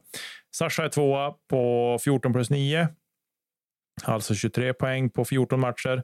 Snittar ett mål per match. Och Jens Öhman ligger på exakt en pinne per match med 7 plus 7 här. Eh, Jörgen Wikström, han fortsätter att spela bra i målet. 2,57 goal against average. Och det, hockeyn var annorlunda. Vi ska också säga att målvakts, alltså skydd och sådana saker var ju betydligt mindre också på målvakterna. Eh, Huddinge som kom sist och de vann ju dessutom bara en match. De gjorde 34 mål, alltså 2,4 per mål. Och eh, det skulle... 2,4 mål per match. Ja, de gjorde 2,4 Ja, mål per ja, match. det. Ja, eh, och ja, ett dåligt lag idag skulle nog inte vara eh, sämre. Nej, men jag tror att ett, ett, ett lag som liksom bara vinner en match och är toksist, inte vet jag om de gör två och en halv mål nästan per match i snitt. Jag är inte Nej. helt säker på den saken. Nej. Nej, men 2,57 goals against average är ju inte siffror som skrämmer upp någon människa idag, men det är inte alls dumt här, ska ju sägas. Nej. Uh, nej, men vi kan ju titta på publiksiffrorna igen då den här hösten, eller hösten, den här våren. Björklöven ökar sin publik. Man snittar exakt 2500 de sju hemmamatcher man har. Men det är fortfarande anmärkningsvärt jämfört med då. Det är ju ja, men nästan 2000 tomma platser i snitt per hemmamatch. Det är bara två hemmamatcher som är över 3000 åskådare. Det är Timrå 3145 sökte sig till ladan då och det är mot Troja där det är 3006. Eh, intressant är att Troja har fler åskådare när vi möter dem i Småland än när vi möter Troja i Umeå. Eh, det vill man ändå ha sagt. Bäst snitt har Timrå med 3792 åskådare per match. Det är svårt att ta in att Troja har haft fler människor på plats än vad vi har haft. Ja, men det, det är ju faktiskt så. Jag har, ja, jag har varit i den hallen. Den är ju inte jättestor, så hockeyn var väl het, måste man ändå säga. Men Troja var ju bra. Troja, eh, tittar man i historien, de var ju nära flera säsonger och eh, lite missflyt att inte de gick upp. Vi kan ta en från höger också. Eh, vad hette han? Stefan Mattsson tror jag. Det var en pålitlig poängspelare som de hade. Han värvades ju också till Björklöven efter den här säsongen om jag minns rätt. Men eh, oavsett vilket så resultaten och tabellen ger att Troja och Linköping direkt går till kvalserien medan Björklöven, Mora, Timrå och Arlanda får fortsätta i playoff. Grums och Huddinge får sommarlov.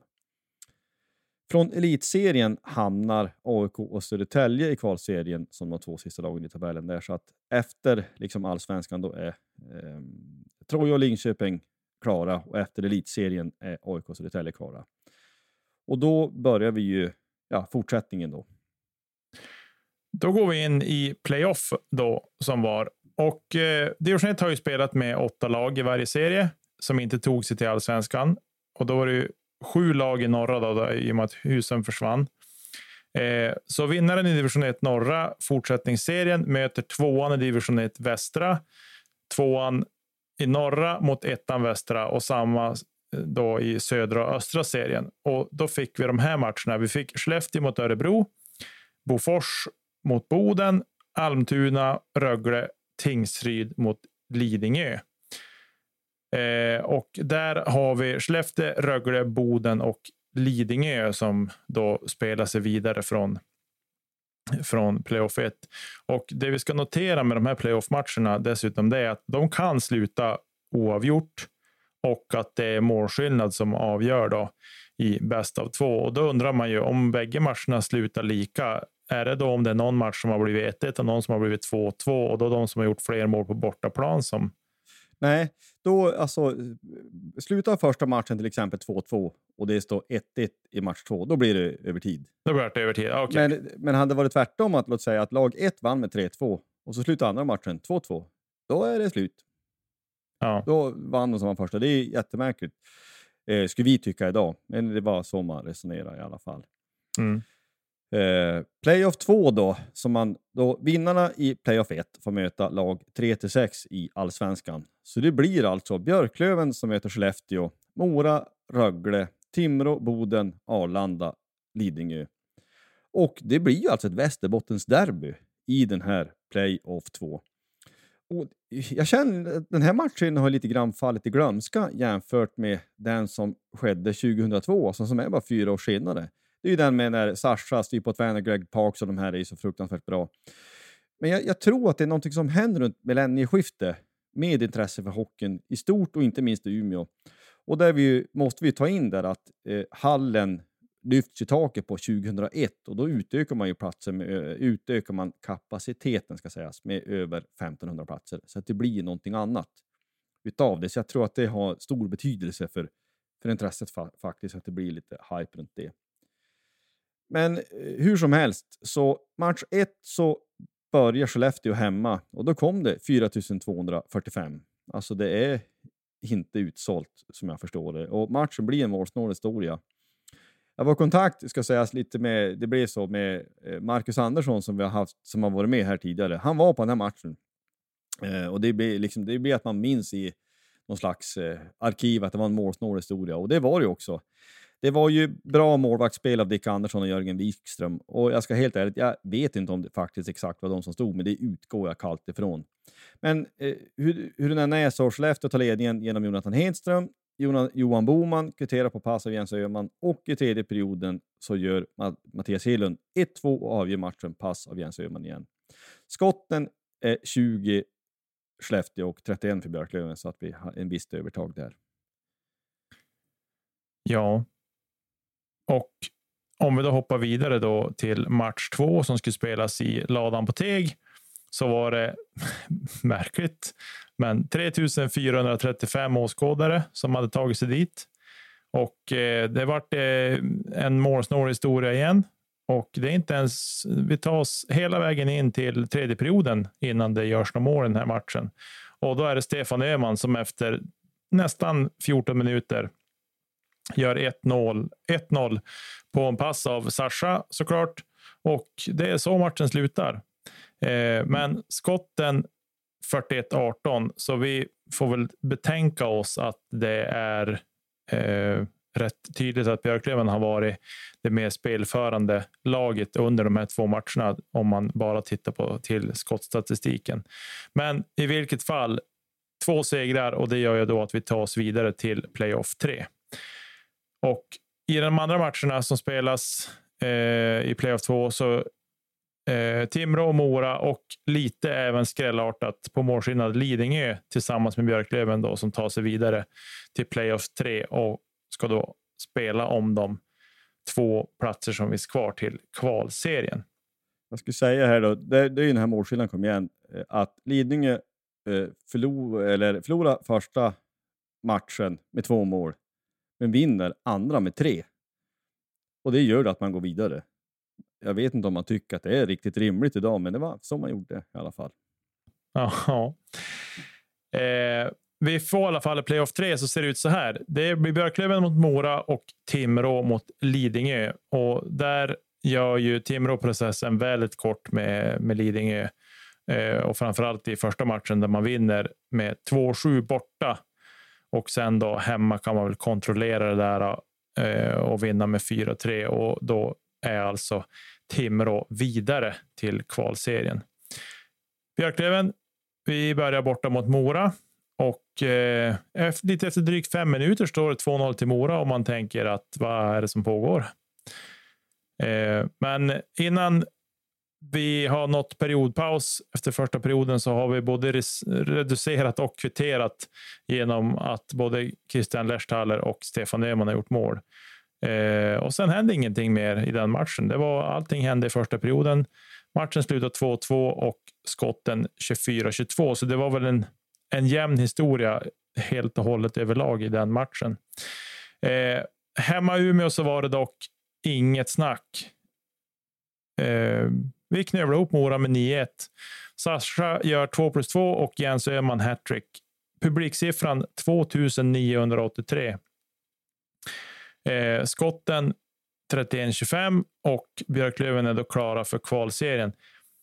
En liten parentes. Jag kan ha varit på den här matchen för jag har något minne av att Björklöven möter Mora. Det kan ha varit den här eller i någon annan match. Eh, och Sasha gör, jag tror, att det, jag tror att det är Sasha som gör 7-1 målet. Jag har inte lyckats gräva fram någon statistik, men efter det, när Björklöven gör 7-1, så jag tror att det var dessutom med den klassiska Sasha-snurren som han hade för sig att göra. Eh, efter det så gick vågen runt i ishallen och det vet jag inte riktigt vad man tycker om vågen, men, men eh, det är ett minne jag har i alla fall från, från den här tiden. Ja, men, men det, var, eh, det var väl relevant då kanske? Ja, det, vågen känns väl lite 90-tal kanske. Ja, idag så skulle man tänka att 90-talet ringde och ville ha sin våg tillbaks. Ja. Då var det någonting annat. Men det är, det är ju klart för klarserien i alla fall. 1998. Vi har konstaterat förut att AIK och Södertälje kommer från elitserien. Troja och Linköping som ett av två i allsvenskan är klara sedan tidigare. Björklöven och Timrå från playoff 3. Sex lag hemma och borta, tio matcher. Vi har ju tidigare pratat om nuvarande system och eh, det som vi kan tycka är nuvarande systems svagheter.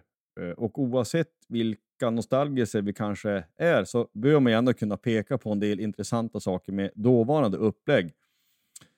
Eh, ett exempel är ju att sista omgången i allsvenskan spelas 1 mars 1998. Då. Första omgången i kvalserien spelas 22 mars. Alltså Troja och Linköping har alltså haft spelledigt i tre veckor. Och det är kanske inte en helt optimal uppladdning kan man tycka. Och sett med historiens ljus och att vi spelar ett, ett kryss mot Linköping är ju så här i efterhand, det var ju inget dåligt. För då fick vi fortsätta spela matcher och vara liksom varma i kläderna. Men det är likadant för elitserielagen. Elitseriens grundserie slutades 5 mars. Alltså fick de också en lång spelledighet och såklart. Eh, en annan sak är spelschemat och det är ju en, en, klassisk kritik emot en kvalserie. Då, att det är en enorm fördel att ha första matchen borta och alltså sista omgången hemma. Eh, och sen är det ju det här uppenbara att man kan ju möta avhakade dag i slutet på serien som inte har någonting att, att spela för, så det är ju en nackdel. Men hur som helst, som vi sa, kvalserien startar 22 mars. Det är en söndag och Björklöven börjar borta mot Timrå i omgång 1. Och med det här med oss så tror jag att det här var en helt perfekt öppningsmatch för Björklöven. För att vi kommer, vi har haft spelledigt bara fyra dagar. Eh, jag tror det är fyra dagar mellan de här matcherna. Så att inför 3864 åskådare i, i Timrå som vinner då vi Björklöven med 1-2 efter att Sasha gjort ett mål och Stefan Öhman har gjort ett mål. Just det. Eh, I omgång två så tar vi emot Linköping hemma. 2773 personer möter upp i ladan och där får vi se en torsk med 5-7 där Mike Hellberg har slagit in sista spiken i kistan med 11 sekunder av matchen och här antar vi att det var i öppet, öppen eller tom målbur. Eh, Björklövens målskyttar i den här matchen var Christian Lechtaler, Stefan Öhman, Jörgen Hermansson och Alexander Beljavski gör två mål. I omgång tre så åker vi ner till Stockholm och möter AIK borta och där ytterligare en torsk 6-4 och där Sasha hänger två, Per Ledin och Christian Lechtaler är övriga målskyttar. Och eh, trög start får vi väl ändå konstatera, trots att vi vann då den första matchen. Men eh, eh, med tvåpoängssystemet som var, så, och möjlighet dessutom att man kunde spela matcher oavgjort, så får man inte halka efter för långt heller. Det är ju, blir inte alls bra. Nej. Eh, omgång fyra så möter vi eh, Troja hemma. Och den matchen börjar uselt. Vi ligger under med 0-2 innan det har gått åtta minuter. Men den här eh, matchen visar Björklöven ka- karaktär och vänder och vinner till slut ganska komfortabelt med 7-3. Eh, Björklövens målskyttare Christian Lechtaler, Fredrik Bergqvist, Daniel Wågström, Stefan Öhman och Alexander Biljavski, han smäller in ett hattrick.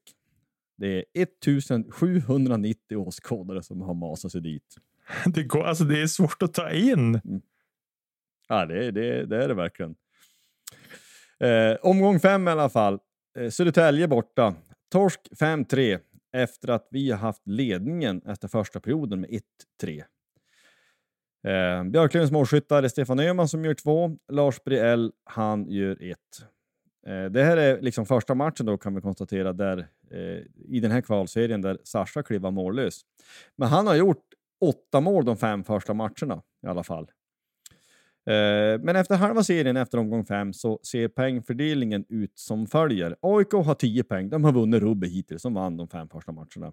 Södertälje har 7 poäng. Linköping har 5 poäng. Björklöven har 4. Timrå och Troja har 2 poäng var. Så man kan säga att AIK har halva skridskon i nästa års säsongselitserie redan och SSK har ju liksom bra koll. Så det ser ju ut som här att elitserielagen bör kunna hålla sig kvar. Mm, helt klart. Eh, sen vänder ju serien, men kanske inte som det brukar vara, att, den bara, att man liksom bara helt och hållet spegelvänder den. Eh, utan här i omgång sex så möter Björklöven Timrå hemma. Eh, så att man spelar som samma spelschema fast man har sina hemma och respektive bortamatcher nu. Då. Eh, Och ja, vi måste ju vinna den här matchen. För vinner vi inte den här matchen, då är vi ju mer eller mindre avhakade från att ens vara nära och kunna ta en, en eh, plats upp till elitserien.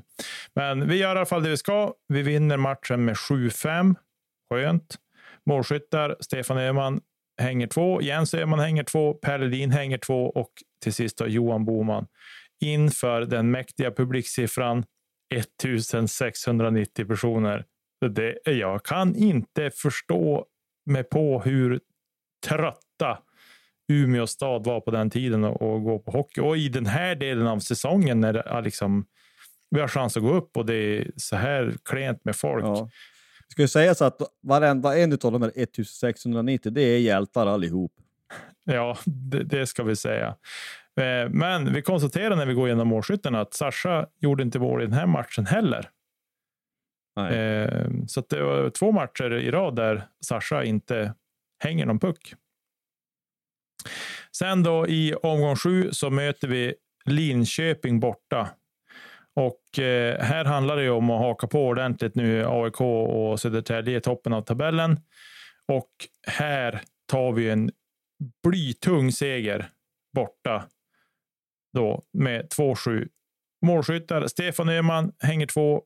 Christian Lerstad hänger två. Martin Vita hänger en. Alexander Biljavski tillbaka i målprotokollet och även då Daniel Wågström som hänger dit en puck. Och jag har spelat sju omgångar och då är det tre matcher kvar, så att nu börjar det dra ihop sig på allvar. Ja, så är det. Och då kommer serieledarna AIK på besök i Umeå. Och eh, då ska man ha klart för sig att då, det här är ju för dem en direkt match som att gå upp. Vinner de den här matchen, då är de klar för elitserien till nästa säsong. Och här är det ju verkligen att ja, men nu måste ju liksom spelare och ledande spelare måste kliva fram. Här måste ju det kunna klämmas det som går ur det här laget. Och det är ju exakt det som händer. AIK de skjuter 30 skott den här matchen. Jörgen Wikström, han tar samtliga 30 och håller nollan. Jens Öhman gör ett mål och Alexander Bilavski gör ett mål och Björklöven vinner alltså med 2-0. Och då har vi då skaffat oss ett ruskigt slagläge här. Och här ser man också att publiksiffran eh, knuffas upp lite. Det är nästan 3 500 som är här, 3477. Så nu är, det, nu är vi i slagläge. Ehm, och då tänker man då kanske att omgång nio, vi ska ner till Småland och städa av Troja. Man ska, Troja, det minns ni, de vann allsvenskan, så de är ju egentligen jättebra, men de har fått fullständig pyspunka. Och de har vunnit bara en match av åtta hittills. Eh, och då går det som det kanske ofta går. Troja vinner med 6-4. Eh, Björklövens målskyttare Jens Öhman, Christian Lechthaler, Per-Anton Lundström, eh, snipern, och eh, Alexander Biljavski. Eh, varför känner man igen det här? Jo, nu har man väl sett en annan match i Småland när det har blivit så här mot lag som man tycker att man ska vinna. Så att inte vet jag om det här är någon slags... Eh, eh, är nog, ja, det vet jag. Det, det är vad det är någonstans. Men vi, efter nio matcher kommer ju då givetvis omgång tio och nu måste vi stanna till lite grann. Vi är ju framme vid den här sista matchen för säsongen. Matchen hemma mot Södertälje. Datumet skrivs till onsdagen den 15 april.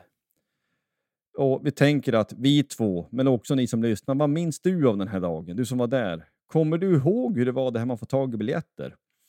Jag minns i alla fall att jag bokade biljetter tidigt. Och det här är ju en värld som är helt analog. Det är innan internet och innan sånt, så att man... Jag minns att jag hade titt, sneglat på ett spelschema och konstaterat att vi hade sista matchen hemma, så jag skaffade två biljetter tidigt till den här Eh, matchen. Och eh, jag bodde i Vilhelmina då. Så man tog sin då röda Honda Civic årsmodell 1987, lämpligt nog. Um, solen gick upp 5.10 har jag tagit reda på i Umeå den här dagen. Och det var ljust när den utsålda lagan, ladan gick ståltrapporna upp i hallen för att se matchen. Solen gick ner 20, 20 eh, eller 20.07. Och den här matchen bör ju då ha varit den första helt slutsålda matchen på flera år. Eh, och jag minns att det var ju en nervositet man kunde ta i. Som jag minns det i alla fall. Jag minns också att jag ställde mig i kön till kuren på Tegstunet och ska hämta ut sina biljetter då, som man har bokat i förväg. Och jag minns också att jag fick en biljett över. Jag fick inte med mig någon kompis. Och jag säljde den till en snubbe i kön som står längst bak. För jag tror också att det som inte var förköp, det ställde man sig i kön och så fick man köpa biljetter som gick, eh, ja, som var över då. Jag minns också att jag tar inköpspris. Så det kanske inte var ett helt klockrent finansiellt beslut, men kanske ett bättre moraliskt. Och jag minns att det kändes bra. Och jag måste ta en liten, liten så här bara från höger. Om det är någon som minns att de köpte en biljett av mig, så får du jättegärna höra av det. Om du lyssnar på det här och kommer ihåg. Eh, du behöver inte ha något som helst dåligt samvete, men jag kommer ihåg att jag sålde en där i alla fall. Ja, jag minns den här dagen jag också faktiskt. Vi var ju några killar i klassen, någon som spelar hockey, eller några som spelar hockey bland annat, men eh, framför allt så minns jag att jag tog bussen från Holmsund där vi bodde då in till stan och sen från Vasaplan då vart det en promenad över, över älven tillsammans med min kompis Jonas eh, som jag såg väldigt mycket matcher med. Och vi ställde oss i kön utanför det som idag är Bullens, minns jag. Eh, och där vill jag minnas man kunde köpa biljetter kontant där. Alltså man tog sig in innanför dörrarna så kunde man betala in sig där. Som jag har ett minne av. Eh, och jag minns att vi, började, vi ställde oss i kön där klockan fyra på eftermiddagen. För att vi ville, och då var det en lång kö. Väldigt lång kö. Jag tror att jag stod nog ute. Vi, jag tror när vi började köa så var vi kanske ja, men vi var nä, nästan ute vid vägen. Faktiskt. Så mycket folk var det. Men allt eftersom folk tappade intresse, för de öppnade aldrig dörrarna för att släppa in folk. Det droppade av folk. Vi tog oss ganska långt fram. Vi kanske hade en 25 meter kvar till dörrarna. När de väl öppnade dörrarna tänkte jag men det här är ju lugnt. Inga problem. Vi kommer få, vi kommer få biljetter. Men eh, jag tog tag i Jonas i bak. Jag tog tag i hans jacka och så styrde jag han framför mig. Och så sen när vi är bara någon meter ifrån, då kliver fram en väktare i dörrhålet och ska som säga, nej men du nu är det för mycket folk, nu måste vi stänga här, för nu, nu kommer vi inte kunna ta in mer. Och jag gissar på den tiden så var det inte så stor, de hade inte så stor koll på hur mycket folk de faktiskt släppte in. Men det som hände var i alla fall att han, la, han fällde ut bommen kan vi väl säga tryckte ner armen mitt emellan mig och Jonas och då fick jag ju lite mer eller mindre panik för jag tänkte att jag tänker inte missa den här matchen. Än mindre, jag hade ju bokat, jag skulle, eller pratat upp med pappa för jag skulle åka med han hem. Han hade ju sittplatsbiljetter med jobbet så han var ju safe inne. Och jag fick lite panik, hur ska jag ta mig hem? Och, oj, oj, ja, det var, ju, det var inte så lätt då. När jag var väl, jag var 15, jag skulle fylla 15, det var i slutet på åttan det här. Tror jag. Det var våren jag gick i åttan. Eh, men i alla fall, jag duckade undan den där armen och kröp in, styrde in huvudet under armen på honom och så, på så vis tog jag mig in. Då. Jag har något svagt minne att det var fler personer som lyckades krypa in bakom mig. Men sen var det stopp. Dörrarna stängdes ganska tätt bakom mig där. Och på läktaren så var det ju knökfullt med folk. Men vi stod väldigt långt fram, för vi tog oss inte upp på läktaren. Det var ju fullt. Eh, Men alltså, jag måste ta frågan, den här väktaren, han försökte inte nappa tag i det när du smet in, eller märkte han inte, eller vad? Nej, men det var så mycket folk som tryckte på och när de såg att han stod där, då var det fler som ville. Det var därför jag minns att för han, han skrek. Han var ganska sträng och, och sådär. Och, vill liksom inte, och det är klart att de har ju som någon sorts ansvar också att inte släppa in för mycket folk. Eh, men Eh, jag minns att vi hamnade ganska långt fram på, på läktaren den här matchen. Men det var våra egna upplevelser inför. Men i alla fall, förutsättningarna i det här är att AIK är klara för fortsatt spel i elitserien på 14 poäng och de möter då Linköping borta. Linköping har i det här läget 10 poäng inspelat och har ju en teoretisk chans att kunna ta sig upp. Södertälje har 11 poäng, men har gått knackigt den andra halvan av serien. Eh, och där förlorade de i omgång sju och omgång nio, men har ju fortfarande allting i egna händer. Och hade, skulle Södertälje vinna mot Björklöven, då hade det inte spelat någon roll vad Linköping gör. Och vi behöver vinna och samtidigt som att Linköping då inte vinner med för stor marginal. Eh, Björklöven, likt Linköping, 10 poäng och plus 6 i målskillnad. Eh, och Linköping har plus en i målskillnad. Och i praktiken mer eller mindre allt i egna händer. Och Timrå möter Troja i en helt betydelselös match. Ja, det ska ju sägas att de som gick och tittade på den matchen mellan Troja och Timrå, det är ju också några hjältar som inte ska förringas i det här sammanhanget. Eh, titta på en match som inte har någon som helst betydelse. Eh, nej, för att som jag minns det, också här, så var det inte en match som man sneglade upp mot någon resultattavla eh, på det sättet. Och eh, det ska ju också sägas, det kan vi säga nu, att, att AIK vinner ju den här matchen borta mot Linköping med 3-2 om jag minns rätt. Så att det blir ju, på, det, på det sättet blir ju inte heller spännande. Eh, så att man behöver jämföra det här. Men eh, vi, vi, kan ju ställa oss frågan vad vi minns av matchen och det man minns det är ju liksom brottstycken. Man minns känslan, man minns upplevelsen.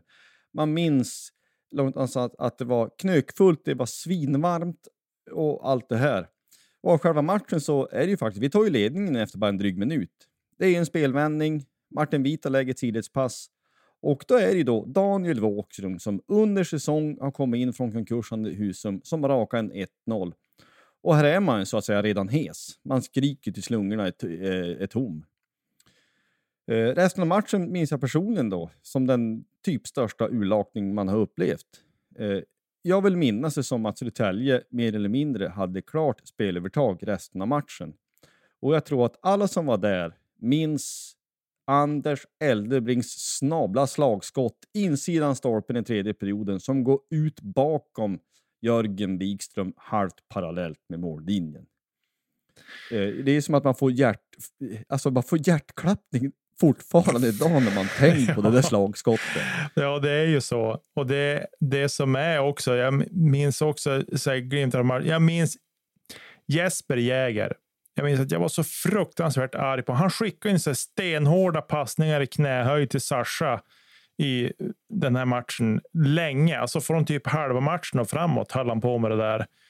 Eh, det var ju helt omöjligt för Sascha att ta emot de puckarna, men han fortsatte. Det vart icing på icing på icing på icing. Det var, han var ju fullständigt galen. Ja, det man också minns är ju den här liksom växelrampen, växelramsan. Kämpa Björklöven, där liksom höger och vänster sida på ståflat. Pumpa, kämpa Björklöven. Och jag vill minnas att den gick liksom minut efter minut, den gick länge. Den fullständigt pumpades ut från Hockeysveriges bästa kortsida. Och jag vill nog påstå att utan ståplats sektion H så vinner inte Björklöven den här matchen. Utan det är liksom eh, publiken, ståplatspubliken som liksom pumpar hem den här segern. Eh, det är ju ett av de starkaste minnen man har. Hur känner du?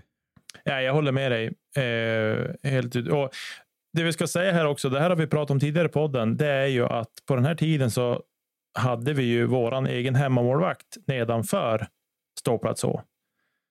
Eh, mm. På den här period 1 och 3. I period 1 och 3. Och jag tror att just där och då så kanske det var superviktigt att vi kunde trycka laget framåt och uppåt i banan liksom, och, och stötta dem på det sättet.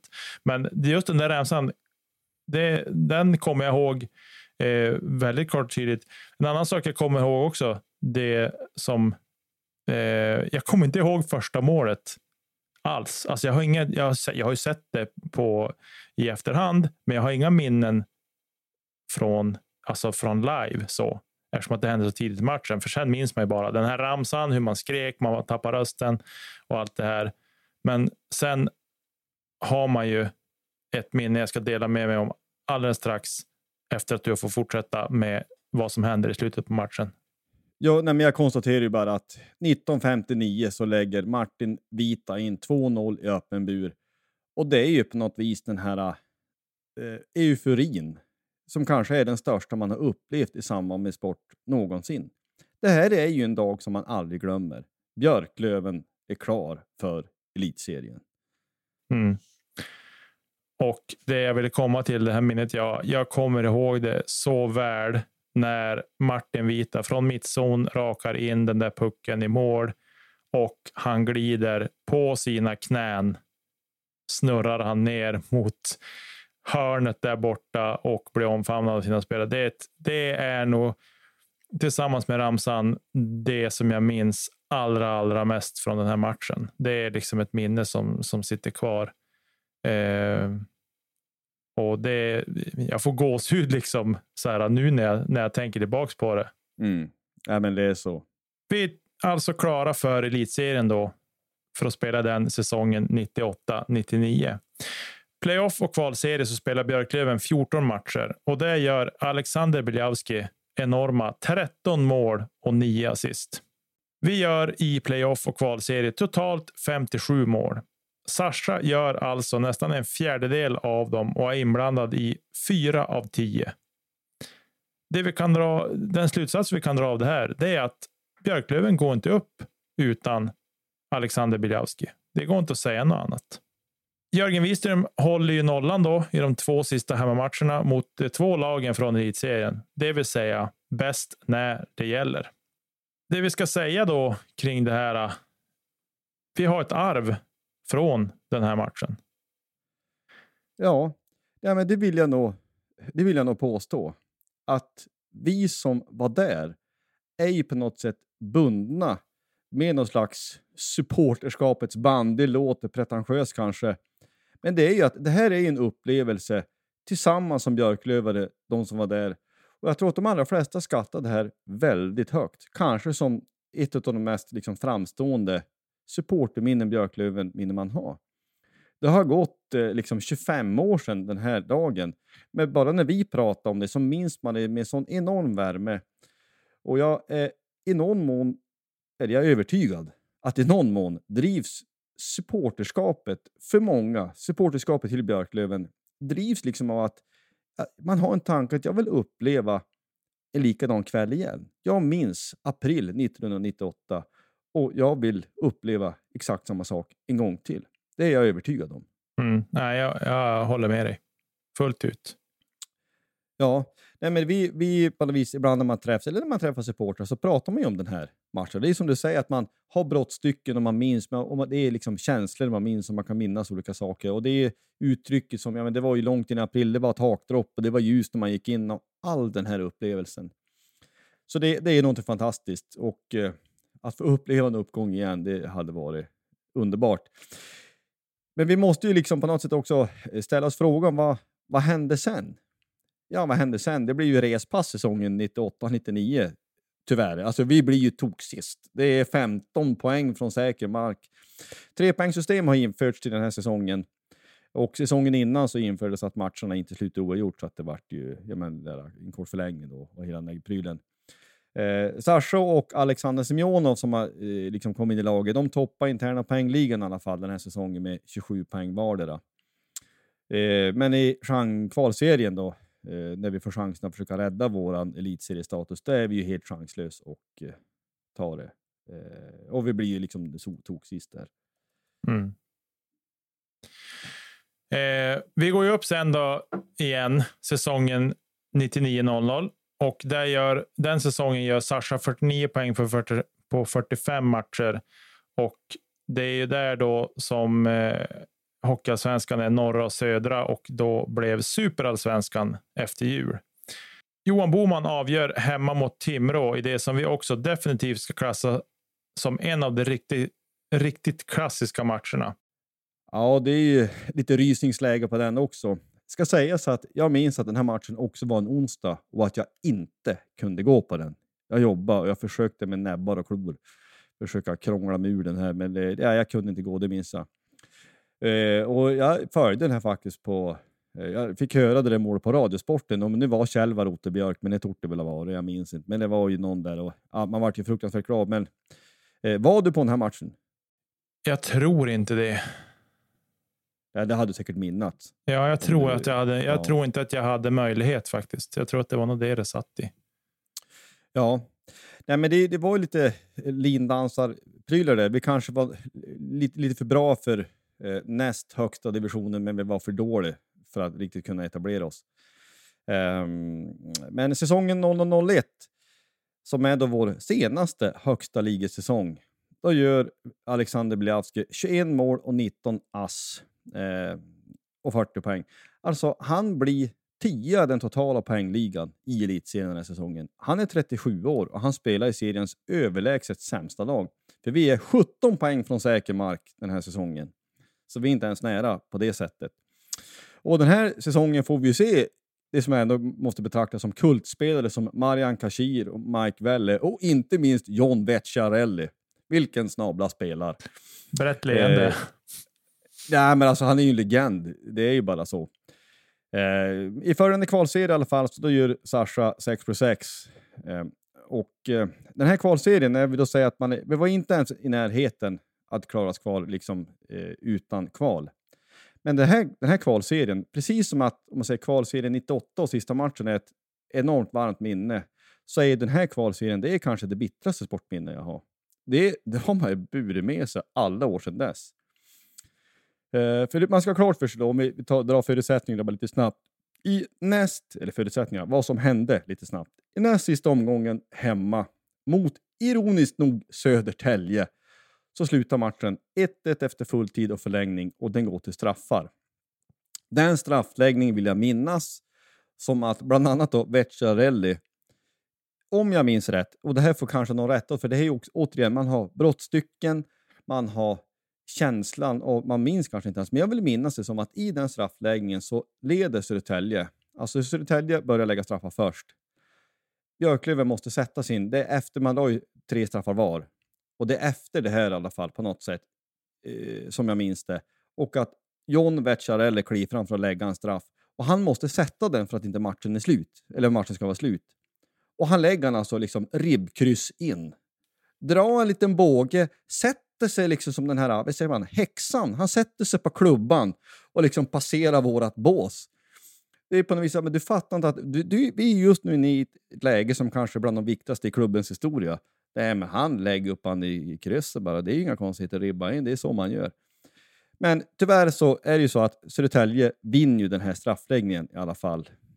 Och där och då gör det att de är klara för elitserien. Jag minns hur bitter det var. De jublade och de flög in på, på planen allihop. Det var Rolf Anhainen som stod i mål. Han var ju väldigt bra. Men oavsett att vi förlorar den här straffläggningen så har vi ändå chansen in i sista omgången. Det hade vi inte haft, eh, hade vi inte eh, två år innan. Vi behöver slå Leksand borta för att vara kvar samtidigt som Södertälje ska ta poäng mot Linköping. Och där är man tillbaka i de här förutsättningarna som fanns då. Att Södertälje är ju redan klar. Så att de har ju på det sättet ingenting att spela för. Eh, Södertälje behöver ta poäng. Vi behöver slå Leksand. Vi gör vårat. Vi slår Leksand med 3-5 borta. Men Linköping vinner ju med 2-3 i Scanarinken. Och SSK, jag, jag minns att jag låg i badkaret av alla ställen i min nervositet och lyssna på Radiosporten. SSK bränner ett superläge i slutsekunderna där kommentatorn... Eh, det vart mål. Nej, det vart visst inte mål. Ja, vi åker ur. Och vi har ju varit ur sedan dess. Vi hade bättre målskillnad än Linköping när kvalserien är färdigspelad. Så man kan säga så här, vinner vi straffläggningen i näst sista omgången så är vi kvar, för då får vi en poäng till och det hade räckt. Om inte om fanns och allt det här. Ja, jag blir bitter bara tänk på det. Det är bara så. Säsongen 01-02 i alla fall. Den sista fulla säsong som Alexander Biljavski gör så dunkar han in smått otroliga 85 poäng på 54 matcher. 2002 då fyller Sasha 38 år så det är nästan man måste sätta sig ner och vila och tänka på hur dominant och bra han var långt upp i åldern. Vi spelar kvalserie där då 2002 och det är ju efter den här legendariska playoffen som är tvärt nämnde vid slut Skellefteå då med på Tväna Parks och de här. Men vi är inte nära den kvalserien i alla fall. Vi slutar fyra. Eh, men som jag minns det så är det så att med en riktig målvakt då kan vi gott och väl gå upp den säsongen och den som minns den minns. Det fanns en finsk målvakt som heter Marko Rantanen som inte var jättebra va? Mm. Tyvärr. Precis. Säsongen 2002-2003, det är den sista säsongen som Alexander Biljavski spelar. Han dras med enorma skadeproblem och spelar bara åtta matcher. Men han levererar ändå fem mål och en assist. Sitt sista mål för Björklöven gör Alexander Biljavski fredagen den 18 oktober 2002 när han smäller in 5-0 efter 3.55 i den andra perioden i det som skulle bli en 9-0-vinst hemma mot Piteå. De 3611 åskådarna som var på plats visste såklart inte då vad de fick se och uppleva. Men jag önskar ur djupet av mitt hjärta att jag hade varit där. Men det var vi ju inte. Björklöven möter Lettland i en avskedsmatch för Sascha som helt sätter punkt för hans aktiva spelarkarriär. Alexander Beljavski blir sedan ledare i olika kapaciteter. Han blir det i olika länder och olika klubbar, inklusive Björklöven också. Men hans tränarkarriär and beyond, det får vara som man säger, en annan historia. Vi stryker under det vi sa i samtalet med Hans Edlund. Vi hoppas att han idag mår bra. Människa först, spelare och ledare sen. Alltid. Med de orden så avslutar vi det här avsnittet. Tack för att ni har lyssnat och glad midsommar.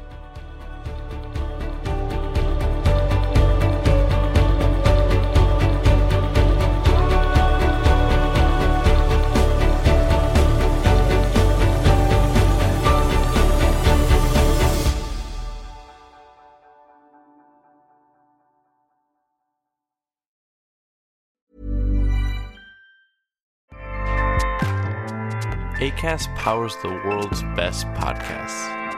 Here's a show that we recommend. The Real Housewives is a guilty pleasure for most, but if you're looking to not feel guilty about that pleasure, tune in to Everything Iconic with me, Danny Pellegrino, where I break down all the messy moments and behind the scenes antics of Bravo's popular franchise. And on Everything Iconic, I also interview celebrity guests like Kelly Ripa, Kiki Palmer, Drew Barrymore, Cameron Diaz, and more about their guilty pleasures, their past work, and so much more. So if you're pop culture obsessed and find yourself watching way too much reality TV like me, tune in to Everything Iconic with Danny Pellegrino wherever you listen to podcasts. ACAST helps creators launch, grow, and monetize their podcasts everywhere. ACAST.com.